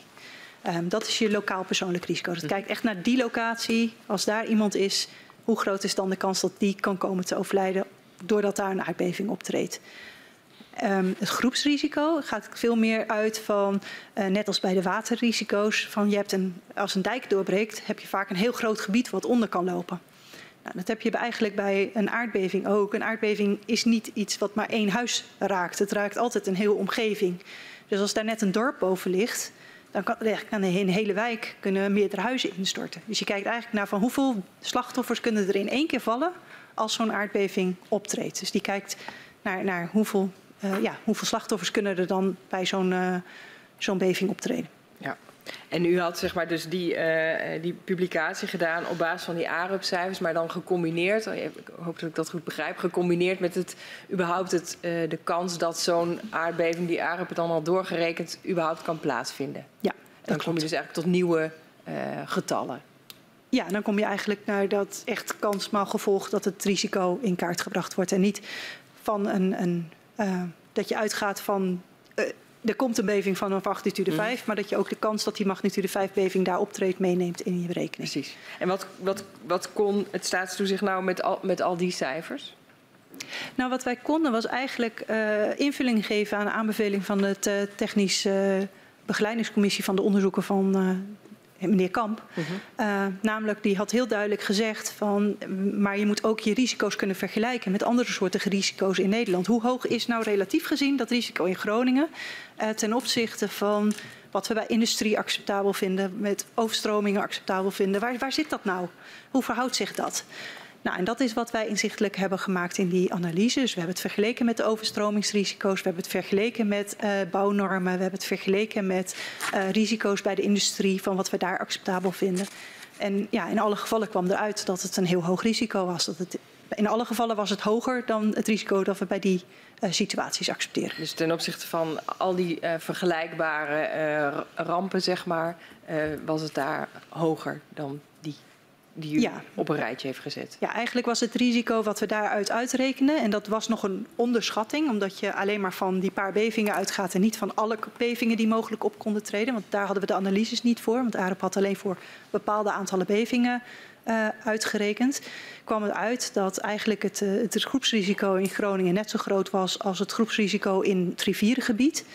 Um, waarbij je in het rivierengebied gewoon weet dat uh, je nog kan evacueren. En dat er nog een mogelijkheid is dat je het aantal slachtoffers kan beperken. Terwijl bij een aardbeving dat niet mogelijk is. Want je weet niet wanneer die gebeurt. En als die gebeurt, is er gewoon geen tijd. En wat was, de, uh, wat, wat was de beoor het oordeel van de staatstoezicht na die uh, vergelijkingen allemaal gemaakt te hebben?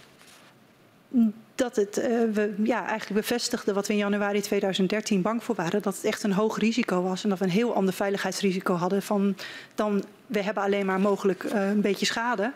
Naar we hebben echt, er kunnen gewoon substantieel mensen komen te overlijden. En we nemen hier, accepteren veel hogere risico's dan dat we accepteren bij Schiphol of bij uh, andere industriële activiteiten. En uiteindelijk is het een industriële activiteit, aardgaswinning. Mm -hmm. En kunt, kunt, u dat nog iets uh, uh, concreter uitleggen, wat dan het, het, verschil is zeg maar, in, in die groepsrisico's tussen de verschillende voorbeelden die u noemt? Nou, wat het belangrijkste verschil is, is dat uh, bij aardbevingen eigenlijk de kans dat een beving optreedt minder hard afneemt dan dat het aantal slachtoffers toeneemt.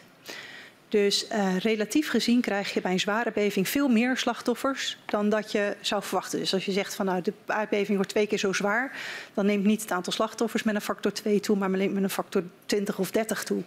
Dus je hebt echt disproportioneel grotere uh, ramp dan uh, dat de kans dat die beving optreedt afneemt. Um, bij een industrieel risico is dat ongeveer hetzelfde. Dus daar kan je op een gegeven moment werken met een maatgevend scenario. Daar kan je werken met van oké, uh, ik neem 50% kans dat deze buis bezwijkt. Um, maar bij een aardbeving mag je niet zeggen van ik neem de aardbeving die met 50% kans kan optreden. Want dat kan rustig een magnitude 2,5 zijn of een 3.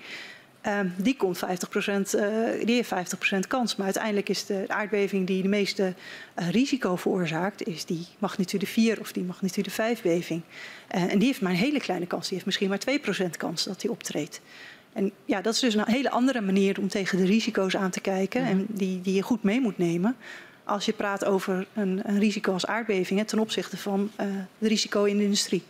Is dat grote verschil zeg maar, ook de reden dat er nog geen norm was voor een groepsrisico uh, voor de aardgaswinning in Groningen? Nou, ik denk dat uh, een norm voor de groepsrisico is er nog steeds niet. Er is echt alleen maar een norm voor het uh, individueel risico. Mm -hmm. Want we vinden het in, even erg als één individu overkomt als dat er een grote ramp gebeurt. Mm -hmm. um, maar um, ik denk dat er geen norm was, omdat we gewoon niet dachten dat er überhaupt een overlijdensrisico was. We hadden die 3,9 dan was er geen overlijdensrisico. Dan had je alleen maar de risico op schade. Dus dan is er ook geen norm nodig voor dat overlijdensrisico. Nou, op het moment dat dat duidelijk werd dat er wel een overlijdensrisico was... en we dat ook inzichtelijk maakten van ja jongens, hij is echt hoog... en nou moet u beslissen, wordt het dan uh, gelijk met de bouwnorm... wordt het gelijk met industriële activiteiten... wordt het gelijk met uh, de overstromingsrisico... wat wilt u nu voor norm?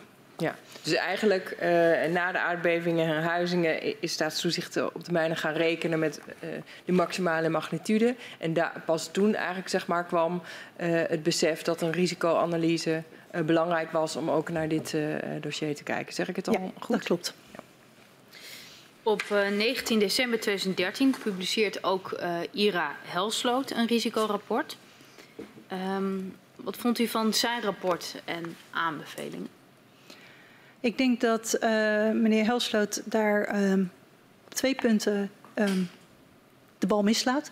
En de eerste is wat ik net uitgelegd heb, dat hij het benadert als een uh, industrieel risico. Dus dat je van een maatgevend scenario, zoals we dat noemen in industriële risico's, mag uitgaan. Dus van die uh, mogelijkheid die 50% of 10% kans heeft om op te treden. Wat bij aardbevingen, zoals ik net uitlegde, eigenlijk dus niet kan. Omdat dat niet degene is waar je de grootste risico's van krijgt. Um, en het tweede is dat hij uh, ja, toch wel uh, ook bekend staat omdat hij uh, anders tegen risico's aankijkt dan wij. wij zijn, hij is veel. Um, hij is hoogleraar. Hij is hoogleraar van hoe ga je bestuurlijk om met, met ja. risico's. Um, en hij heeft, is bekend om zijn risicotolerantie. Dus hij heeft snel zoiets van dit moet kunnen. Uh, want we willen ook, je moet ook de maatschappelijke baten meenemen en je moet alle andere uh, aspecten meewegen. Uh, hij is veel meer van de kostenbatenanalyses om te kijken van hoeveel levert het op ten opzichte van hoeveel risico is het. is het dan waard om hier wat aan te doen, ja of nee? En dat is een, een andere manier om naar veiligheid te kijken dan de manier waarop wij er tegenaan keken. Van ja, maar die heeft opeens een heel hoog risico, wat we eerder niet hadden. En moeten bepalen van wanneer we, vinden we het eigenlijk acceptabel. En ja, of je dan uh, een getal moet zetten op wat een mensenleven waard is. Um, ja, dat, dat is een, denk ik een discussie die uh, breed gevoerd wordt. Wat, wat betekende dit rapport um, ja, voor de positie van staatstoe staatstoezicht? Ik denk dat het uh, toch op wel dit een, punt natuurlijk. Op, op dit punt ja. uh, het, het, ons adviezen ondermijnde, omdat het ja. echt gericht was op van.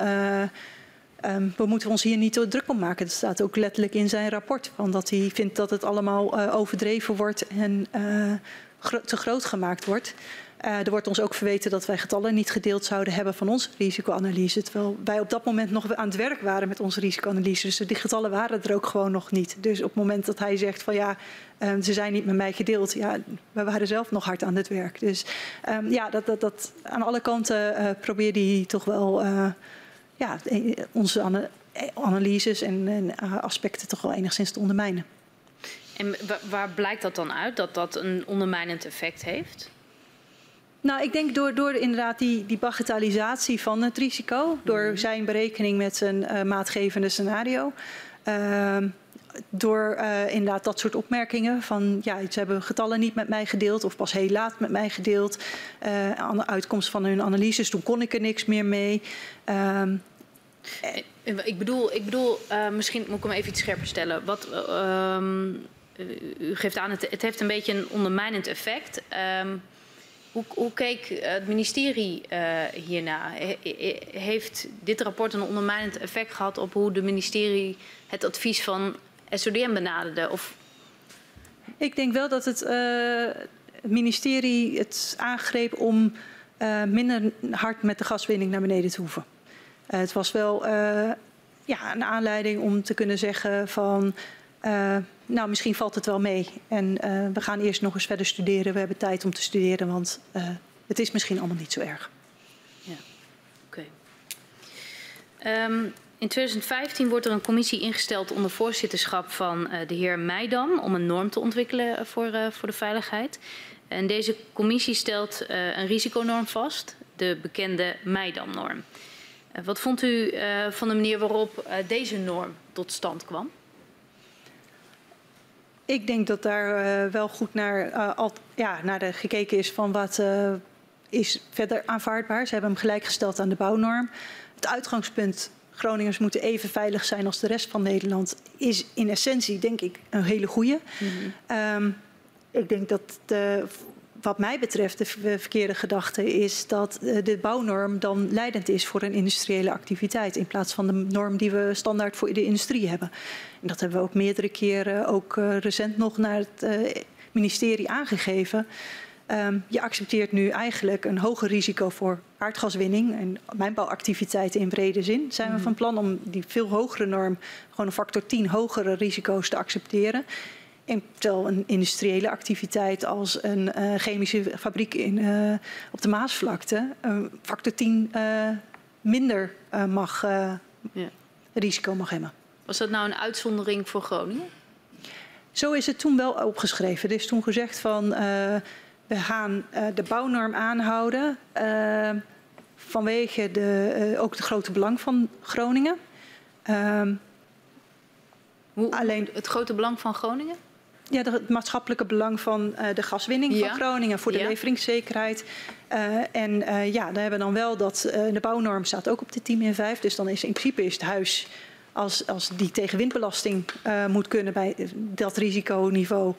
Um, dat werd gelijk gezet aan dat aardbevingen, dat je daar tegen moest kunnen. Mm. Um, ja, dat voor natuurlijke risico's, ook voor de overstromingsrisico's, kan ik me daar iets bij voorstellen. Mm. Alleen in dit geval zijn de aardbevingen geen natuurlijk risico. Nee. Het is en blijft een industriële activiteit die een natuurlijk bijeffect heeft, die een risico veroorzaakt. Maar in essentie blijft het een industriële activiteit. Ja, dus voor Groningen werd een uitzondering uh, gemaakt ja. versus alle andere gevallen.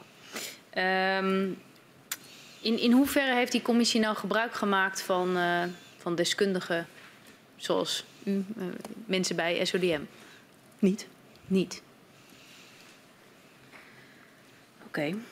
Uh, andere deskundigen waarvan u weet waar ze gebruik van hebben gemaakt? Voor zover mij bekend hebben ze alleen met hun eigen, vanuit hun eigen expertise daar de norm bij geformuleerd. Oké. Okay. Um, ja, nou ja, u heeft net al een beetje uitgelegd wat u nou van die norm vond. Op zichzelf um, geeft gewoon, ja, de, de, de, de methode is wel te begrijpen, maar het is eigenlijk raar dat er een uitzondering wordt gemaakt voor Groningen. Uh, dat dat niet wordt gelijkgetrokken met uh, industrienormen. Uh, ja. ja. ja. en in brede zin, want nu de laatste adviezen zijn ook om voor geothermie en voor andere mijnbouw ook dezezelfde norm uiteindelijk acceptabel te gaan verklaren uh, als norm. En ja, dan ga je dus ook voor een geothermie, voor aardwarmte en voor zoutwinning en voor andere gaswinning ga je ook zeggen opeens van die, die zijn kennelijk net zo belangrijk als Groningen. Ja. En ook daar accepteren we een factor 10 hoger risico dan bij welke andere industriële activiteit ook. Ja. Uh, met alle gevolgen van dien. Want ik denk dat we heel goed bewust moeten zijn met z'n allen wat voor soort schade je dan ook accepteert. Want laat ja. wel is, er is dan nog steeds een overlijdensrisico, maar er is dan ook een hele hoge kans op heel veel schade. Ja. Um, en, ja, en ook zware schade. Want het betekent dat huizen kunnen instorten met een mhm. hele kleine kans. Maar het betekent dat er, dat er zware schade kan ontstaan. Echt een, een behoorlijke kans is. En dat er behoorlijke hoeveelheid kan, uh, kan komen. Dus uh, de risiconormen eh, zijn minder streng voor als het gaat om Groningen. Maar ook uh, voor nou ja, projecten zoals de geothermie. Ehm, en, en dat wordt dan uitgelegd als ja, het levert maatschappelijk veel op. Dat, dat was de, de uitleg bij, uh, bij Groningen. De risico's. Ja, bij Groningen was dat nu uh, de uitleg. En ja. voor de andere mijnbouwactiviteiten wordt eigenlijk gezegd: we stellen hem gelijk aan Groningen. Ja. Uh, want het is allemaal mijnbouw. Nou, dat moet nog door de Tweede Kamer. Maar ja, dit is wel een groot punt van zorg bij ons. Ja. wat was de invloed van de Meidam-norm op het werk van, de, van het staatstoezicht? Uh, het gaf ons een, uh, een, maat om uiteindelijk de risicoanalyses op te kunnen beoordelen. Dus op het moment dat de norm er was en ja. de risicoberekeningen was, ja, kun je die naast elkaar leggen en kun je zeggen van is het acceptabel ja of nee mm. en hoeveel huizen uh, zitten gemiddeld genomen nou boven die norm. Dus ja. Wat moeten we gaan doen uiteindelijk nog aan of gasproductieverlaging of versterking om Groningen veilig te maken. Ja, dus u ging uit van die norm ehm, en niet vanuit de norm waarvan u zelf dacht, nou ja, eigenlijk zou u hem naast uh, die norm voor de, voor de industrie moeten leggen? nee, uiteindelijk bepaalt uh, de Tweede Kamer en, en beleid bepaalt de norm. En als dat wordt neergelegd, ja, dan heb je ja. als toezichthouder daaraan te toetsen. Ja, helder. Nog één uh, vraag daarover, want u zei uh, het wordt niet gelijkgesteld aan industriële veiligheidsnormen, maar zou dat eigenlijk wel moeten? Aan de andere kant zei u ook, ja, maar de manier waarop we ertoe komen is ook weer anders dan de industrie. Want u zei volgens mij, er is 50% kans dat er een, een of andere buis met een, een giftige stof breekt of zoiets. Maar je kunt niet zeggen, we kijken naar de 50% kans op die beving. Kunt u me dat nog een beetje uitleggen, hoe dat werkt?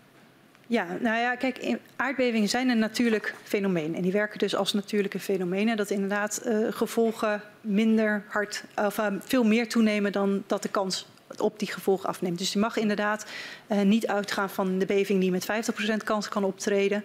Maar ook internationaal gezien wordt in Californië en Japan wordt altijd uitgewerkt met de beving die, of de grondbeweging die eens in 500 jaar kan optreden.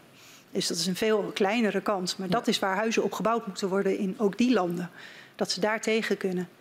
Um, en als je bij uh, industrie kijkt, dan kan je daar anders naar, naar, kijken. Daar werken de risico's anders. Maar uiteindelijk is de aardbeving in Groningen worden veroorzaakt door het menselijk handelen. Dus moet je ze dan als een natuurlijk fenomeen behandelen bij je risiconormering? Um, of is het iets waar we wel wat aan kunnen doen, wat het geval is? Mm -hmm. Kijk, een overstroming heb je niet in de kans. Je kunt die uh, kans op dat uh, die hoge golf komt of dat die noordwestenstorm komt met uh, springvloed, kun je niet beïnvloeden. Maar de kans dat die aardbeving optreden, kunnen we in dit geval kunnen we beïnvloeden. Want dat wordt veroorzaakt door een activiteit die we zelf doen. En daar zit voor mij het grote verschil waarom je toch voor die industriële norm moet kiezen. Ondanks dat het ja, uh, je moet berekenen als een natuurlijk risico. Ja. Is dat nou het verschil tussen, ik kwam al eerder langs, het P50, P90, P98, of is dat weer een ander aspect daarvan? Nee, dat is een ander aspect ervan, want dat is eigenlijk van hoe, met hoeveel zekerheid wil je weten dat je aan die norm voldoet. Ja.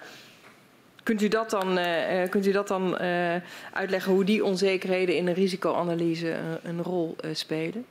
Ja, eigenlijk heb je uh, twee soorten onzekerheden. Je hebt onzekerheden in dat je een getal niet precies weet. Dus je, hebt, uh, je weet dat uh, een gesteente ongeveer zo sterk is, maar het zou ook iets sterker of iets minder sterk kunnen zijn. nou, die neem je mee, daar heb je vaak verdelingen voor en die kun je helemaal netjes doorrekenen.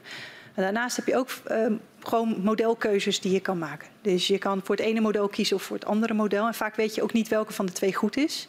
Nou, die neem je ook uh, dan als, als twee mogelijkheden mee. Met allebei een kans van, nou, we geloven meer in die, dit model of in dat model. Of evenveel. Dan neem je ze allebei voor 50% mee.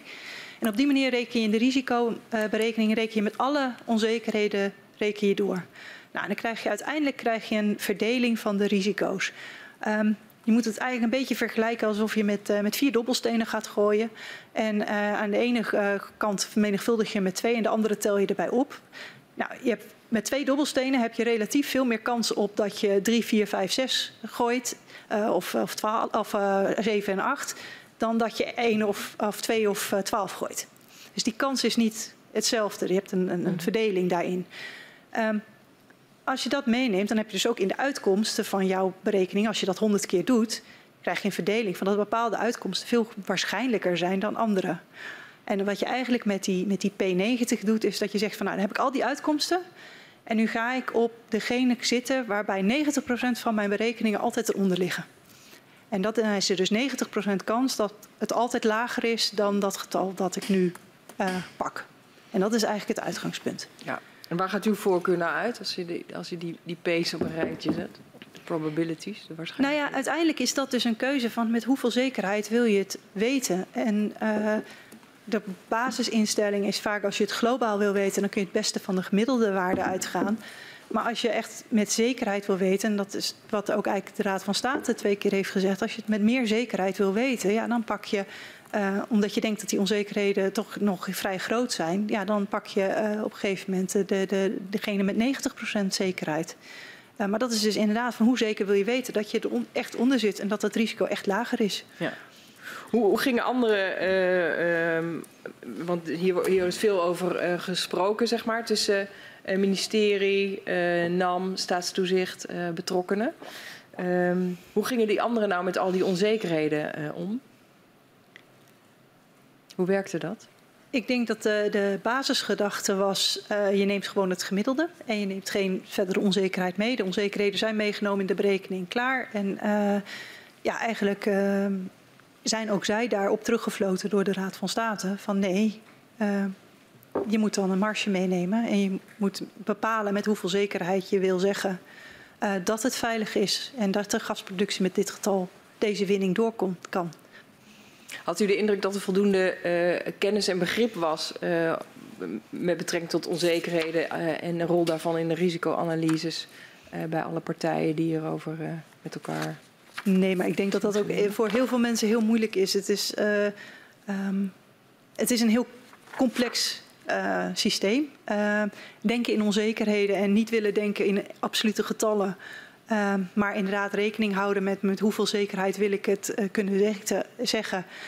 Um, ja, dat, dat zit niet in het systeem van een beleidsmaker. Die wil kunnen opschrijven van het, is, het moet 50 zijn. En die wil in het besluit kunnen opschrijven van het moet uh, 20 BCM worden. Uh, die willen niet uh, moeten bepalen van oh, met hoeveel zekerheid wil ik het dan zeggen. Um, daarentegen bijvoorbeeld in de bouwnormen doen ze het wel. Dus voor de versterkingsoperatie doen we het wel. Maar dan zeggen we van ja, maar we willen met heel veel zekerheid weten dat het huis echt veilig is. Mm -hmm. um, ja, en dan krijg je gelijk dus hele grote tegenstellingen tussen de verschillende berekeningen. Want ja, met heel veel zekerheid of zeggen van op het gemiddelde, ja, daar komen grote verschillen uit. Ja. Wat weer bijna niet uit te leggen is aan, aan uh, een inwoner van Groningen. Uh, ja. dat, dat merk je ook. Ja. Maar voor wetenschappers aan de orde van de dag. Ja, maar ook wetenschappers moeten zich daar uh, continu bewust van blijven zijn. En ook dat is niet vanzelfsprekend. Ook daar uh, loop je nog wel eens in de wetenschappelijke discussie van ja, maar hoe ben je nou goed omgegaan met die uh, onzekerheden? En dat is ook een van de discussies die we ook met, met IRA hebben gehad. Meneer Helsloot, ja. de professor veiligheidskunde. In 2017 uh, spreekt de inspecteur-generaal uh, Van der Meijden zich uit over die onzekerheden waar staatstoezicht mee te maken heeft. En hij zegt dan dat het eigenlijk niet mogelijk is om de productieniveaus te toetsen aan die veiligheidsnormen, omdat de rekenmodellen onvoldoende zijn. En daar, daar zou een wetenschappelijke doorbraak voor, voor nodig zijn. Weet u wat hij daarmee bedoelde? Ja, hij vond dat, dat je eerst uh, inderdaad gewoon heel goed moest weten van wat alle getallen moesten zijn. En dan doorrekenen wat je risico is. In plaats van precies wat we net hadden over die onzekerheden. Van dat je daar moet leren mee omgaan. En, en daar toch conclusies uit moet trekken. En um, ja, dat, dat wilde hij niet. Dat mm -hmm. kon hij niet. Um, dus waar ook de Raad van State op gezegd heeft van nee, als je een risicoberekening hebt, dan moet je hem zo goed mogelijk gebruiken. Uh, zei hij nee, want er zitten zoveel onzekerheden in, hij is onbruikbaar. En dat, dat is een verschil van inzicht. En, uh, ja. en wat, is, wat, is, wat is wat u betreft de beste manier om met die onzekerheden om te gaan? Ik denk dat de Raad van State helemaal gelijk heeft. Je moet gebruiken wat je hebt en goed bewust zijn van de onzekerheden. En dan dus ook goed bewust zijn van met hoeveel zekerheid wil ik hier nu conclusies uittrekken. En daar dan ook uh, rekening mee houden. En dat is ook wat we in 2018 gedaan hebben bij het uh, advies na de zeeruitbeving. Inderdaad, dan die 90% nemen in plaats van de gemiddelde. Om met voldoende zekerheid te kunnen zeggen uh, of dat uh, goed of niet goed is. en of het veilig of niet veilig is. En uiteindelijk hebben we ook in dat advies opgeschreven. Uiteindelijk de keuze om een P90 te gebruiken werd ingegeven omdat dat was wat we beschikbaar hadden. Maar moet uiteindelijk een beleidsafweging zijn van met hoeveel zekerheid wilt u? Wilt u de P90 of wilt u de P95 of de P98? Uh, ja, dat, dat uh, is uiteindelijk aan, uh, aan de minister om daar een besluit over te nemen. Keuze te maken. Dank u Dan heb ik nog een aantal vragen, um, een lijstje. Uh, en ik kom terug op een aantal onderwerpen die eerder in het verhoor aan de orde zijn geweest. Allereerst ga ik even terug naar de tijd dat u bij TNO zat. Uh, want voor het verkennende onderzoek bij TNO naar seismiciteit uh, bij het Groningenveld heeft u specifieke data over de ondergrond nodig. Daar ging het al even over. U kreeg daarvoor, u had daarvoor de oude data van de NAM beschikbaar. En dat waren data die op papier uh, waren. Kunt u aangeven hoe bruikbaar die data waren? Beperkt. wat je kan doen is dan het plaatje wat je hebt bekijken en uh, relateren aan de bevingen en die daarbovenop plotten. Uh, maar wat je mist is dat je uh, hem wil kunnen draaien en in 3D wil kunnen kijken. En, um, dus ja, het is, het is beperkt. En tot welke inzichten zou dat kunnen leiden als je dat 3D. Uh, nou, dat je veel beter uh, in, in ruimte en diepte kan kijken van uh, hoe de correlatie precies zit. Um, en ja, je kijkt nu eigenlijk alleen maar van bovenaf uh, kun je kijken van hoe het ongeveer zit. Uh, en daar voorlopig conclusies uittrekken. Maar je kan niet uh, echt het detail in. Oké. En voor de zomer hebben we uw collega Hans Roest verhoord. En in het verhoor zei hij dat eigenlijk iedereen tot aan de beving in Huizingen tien jaar geleden in een tunnel zat. de maximale magnitude van 3,9 werd verondersteld en beperkte schade. Herkent u dat beeld? Uh, dat, uh, dat er een tunnel was en uh, de vraag daarbij, hoe, hoe kan dat nu? Want er waren al heel lang bevingen, ook zware bevingen, ook veel schades. Ja, nou, dat was inderdaad, ik denk dat er sprake was van een tunnel. Ik denk dat ehm, met name dat ook voortkwam uit het feit dat iedereen naar het KNMI keek als autoriteit van jullie doen die analyse en uh, daar komt dit uit, dus dan zal dat de waarheid zijn. Um, ik denk dat daar te weinig wetenschappelijke discussie over geweest is. Um, ik weet ook wel dat er eind, jaar, uh, eind 2000, uh, niet 2000, maar de nullen, zo rond 2007, 2008, 2009 er op internationale congressen discussie was van moet je dit nou op deze manier doen? Kun je op deze manier uh, daaruit deze conclusie uh, trekken? Um, maar daar is nooit vervolg aan gegeven. Ook in uh, 2004 heeft uh, van Eck, een medewerker van KNMI, die helaas niet meer onder ons is, maar die heeft toen al opgeschreven dat het mogelijk niet stationair zou zijn en dat dat dan een effect had voor de analyse zoals die uh, toen door hem gedaan was. En dat dat een groot uh, consequenties kon hebben. Ja, en daar is geen gevolg aan gegeven. Ja, waarom precies, dat durf ik niet te zeggen. ik denk wel dat een van de belangrijke aspecten is, is dat er heel sterk naar KNMI daarvoor werd gekeken. En kennelijk daar intern dat niet verder bediscussieerd is of opgepakt. Of dat men het niet naar buiten heeft willen brengen om geen onrust te creëren. En dan is het 2012, dan gaat u samen met uw collega Hans de Waal rekenen. In een periode van twee weken krijgen jullie een heel ander inzicht. En niet al te lang daarna, alle andere betrokken partijen, inclusief de NAM, delen die hoofdconclusies. Hoe kan dat nou? In dat jaar ik denk omdat wij voor het eerst uh, die aannames ter discussie plaatsten. En de analyses in zichzelf zijn niet heel ingewikkeld. Dus die kun je vrij vlot doen, zeker als je in de materie zit.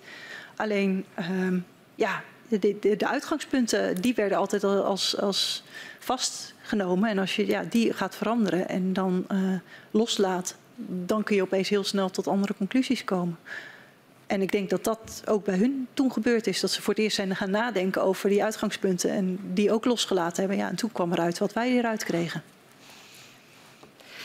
En u gaf al aan dat het advies van 2014 om de Loppersum-clusters uh, te sluiten en 15 miljard daardoor uh, nou te kunnen dalen, uh, dat dat een nadere invulling was van het advies wat het SODM in 2013 had gegeven. Namelijk om zo snel mogelijk en zoveel als realistisch mogelijk is naar beneden te gaan met die gaswinning. Uh, heeft het SODM die boodschap ook zo overgebracht aan het ministerie? Voor zover ik weet wel. En ik ben, niet zelf bij de, ik ben niet zelf bij de gesprekken met het ministerie geweest, dus ik ken alleen het advies. Uh... Dat is niet zo hard opgeschreven, zegt u? Nee, of ik weet wel dat... ik uh, daaruit, maar ja, het is wel nou, het is wel verwoord. En ik weet dat we het zelf ook altijd zo verwoord hebben van het is een nadere invulling uh, van het advies van 2013. En ook in latere adviezen hebben we dat uh, wel zo opgeschreven toen we een chronologie gaven van de adviezen. En toen hebben we het wel aangegeven van dat het een nadere invulling van die advie dat advies was. Nu sprak over een afdelingshoofd die van EBN kwam. Wie was dat? Dat was de heer Bartels Groot. Oké. Okay. Um, dan uh, zei u eerder in het verhoor dat het SODM pas in 2012 op de hoogte raakte van het gasbesluit uit 2006, waarin werd vastgesteld uh, dat het Groningenveld in 10 jaar uh, in totaal 425 miljard kubieke meter, nou ja, dat daaruit gewonnen mocht worden. maar dat gasbesluit werd in een Kamerbrief al benoemd. en het staat ook letterlijk benoemd in het winningsplan van de NAM voor 2007. En dan is onze vraag, hoe kan het dat u of het SODM daar niet van op de hoogte was? Dat durf ik niet te zeggen, want ik ben zelf pas na 2007 uh, zelfs bij TNO in aanraking gekomen met de winningsplannen. Dus daar ben ik nooit bij betrokken geweest. Ik weet dat ik het pas uh, na 2012 uh, voor het eerst gezien heb toen ik bij SODM werkte. En dat er toen verbazing was, ook bij mijn collega's. En waarom zij het ook niet kenden, dat durf ik dan niet te zeggen. Oké. Okay.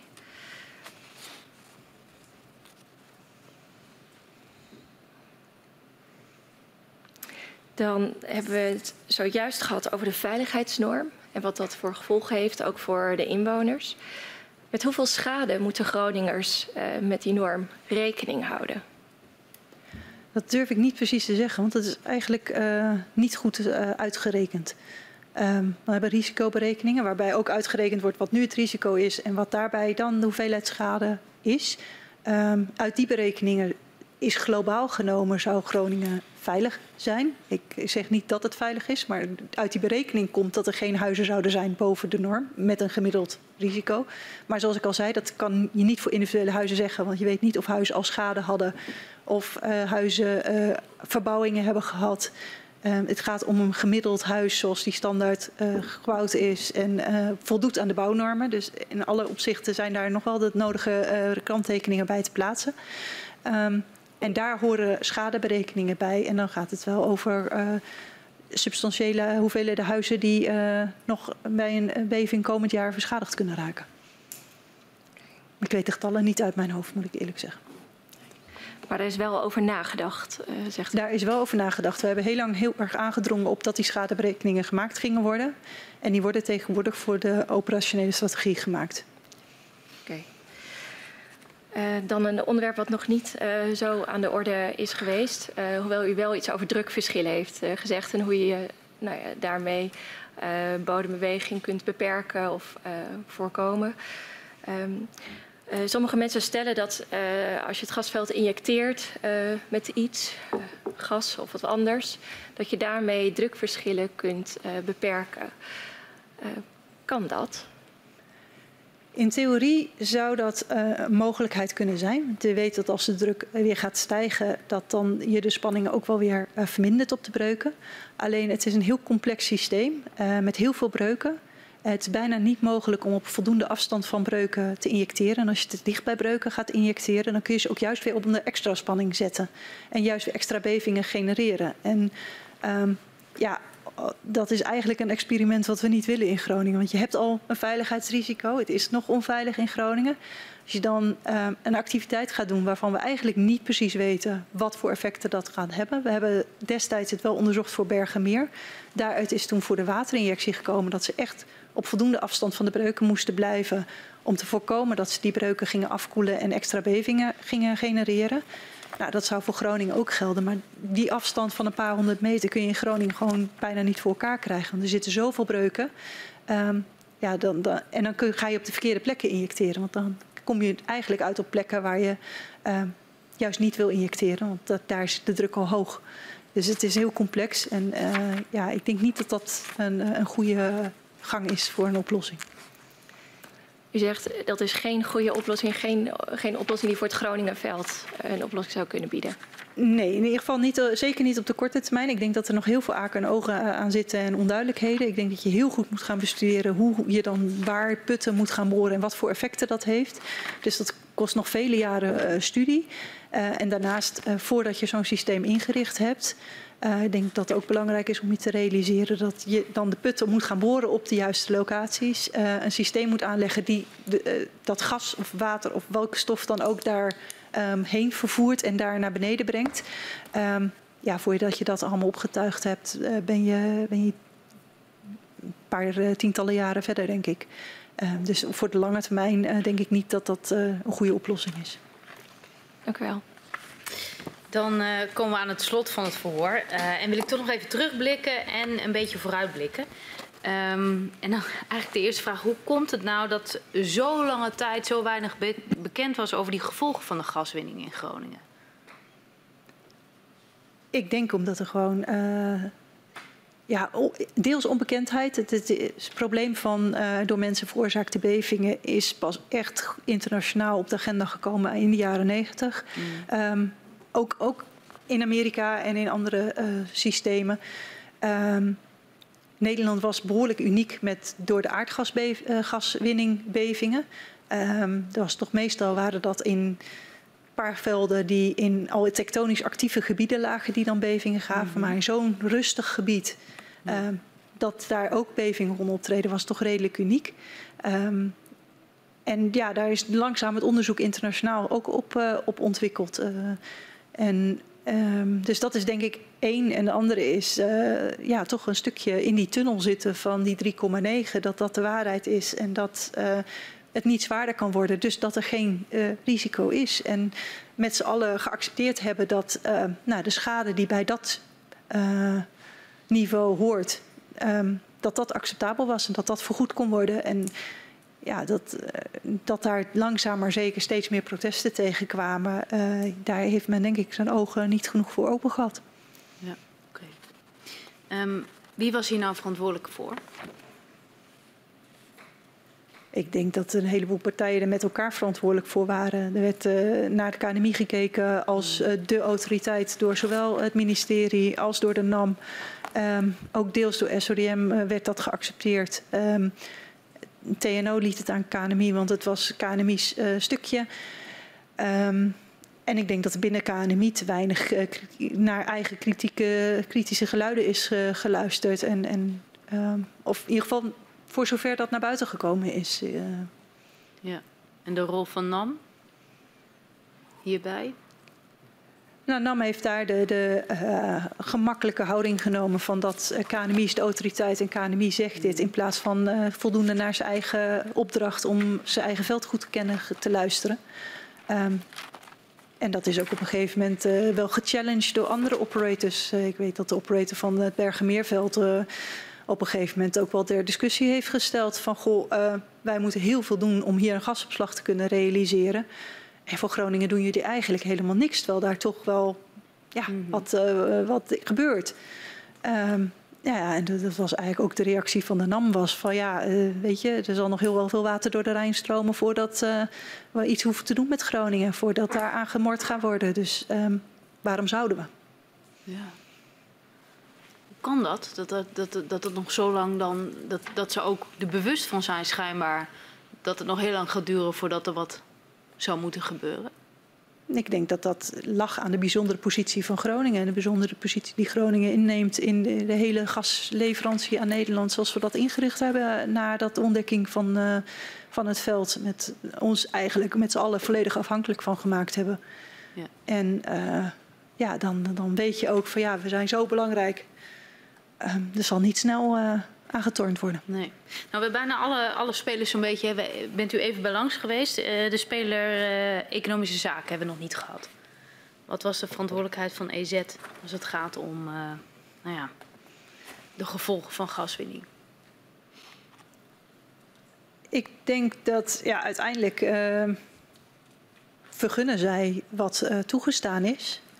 Ehm, en ze hebben natuurlijk ook een, een, rol gehad aan de andere kant. Maar daar heb ik helemaal geen zicht op. Want nee. daar was SVDM helemaal niet bij betrokken en TNO ook niet. Dus ja, daar zit een heel uh, stuk wat, waar wij geen zicht op hebben gehad. Ja. Um, dus de precieze rol daar weet ik niet. En hoe zij daar zich opgesteld hebben.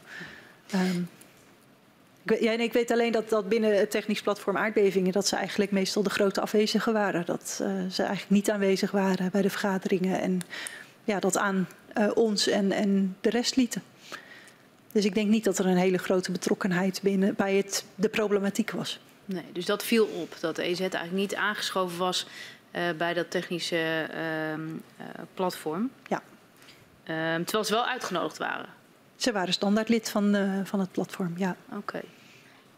Hm. En in het beginjaren zijn ze er ook wel bij geweest, maar op een gegeven moment... eh, ja, ik heb ze er, er nooit nee. gezien. Nee, en na Huizingen? Ook niet. Oké. Okay. Um, waar maakt u zich in het gasdossier uh, nu de meeste zorgen over?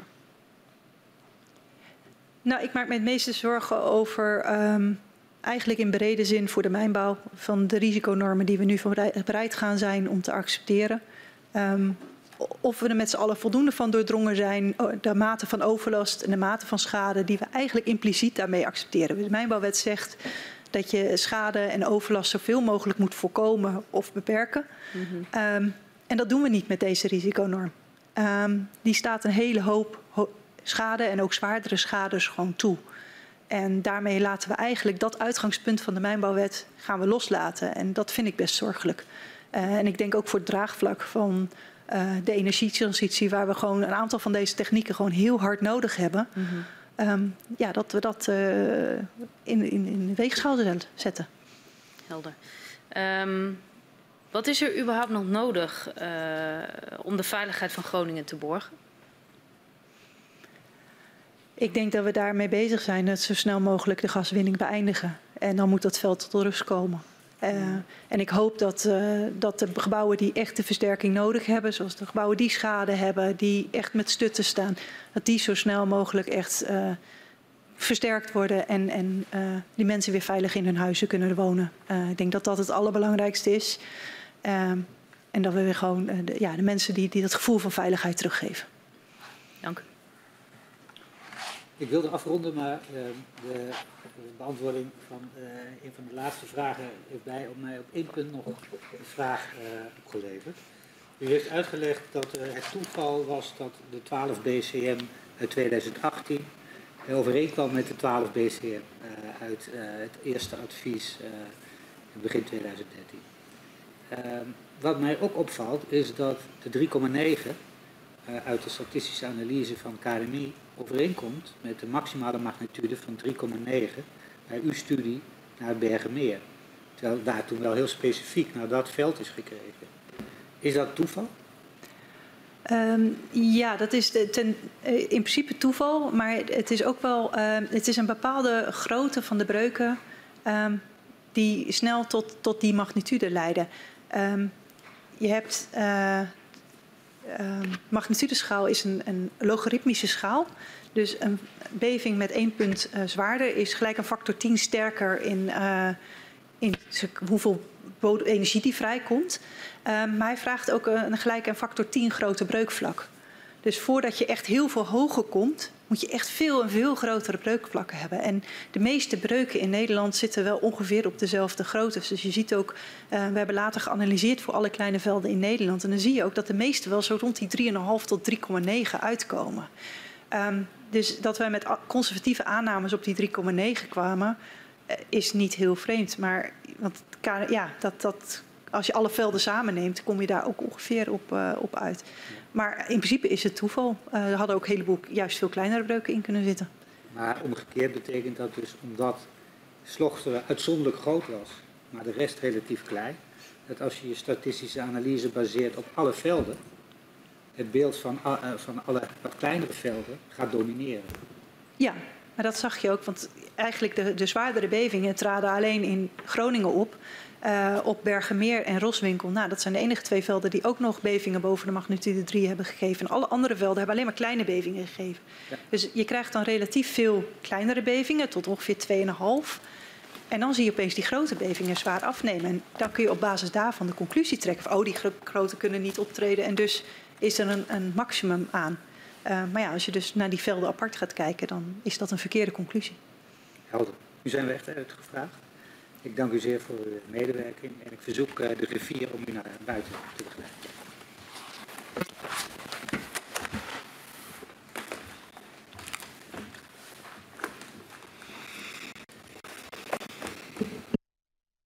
Voordat ik de vergadering sluit, meld ik even dat we morgen op dinsdag 30 augustus drie verhoren hebben. En de eerste is uh, met de heer Dost, uh, die bij het KNMI lang heeft gewerkt. En dat begint om half tien. Uh, ik uh, sluit de vergadering.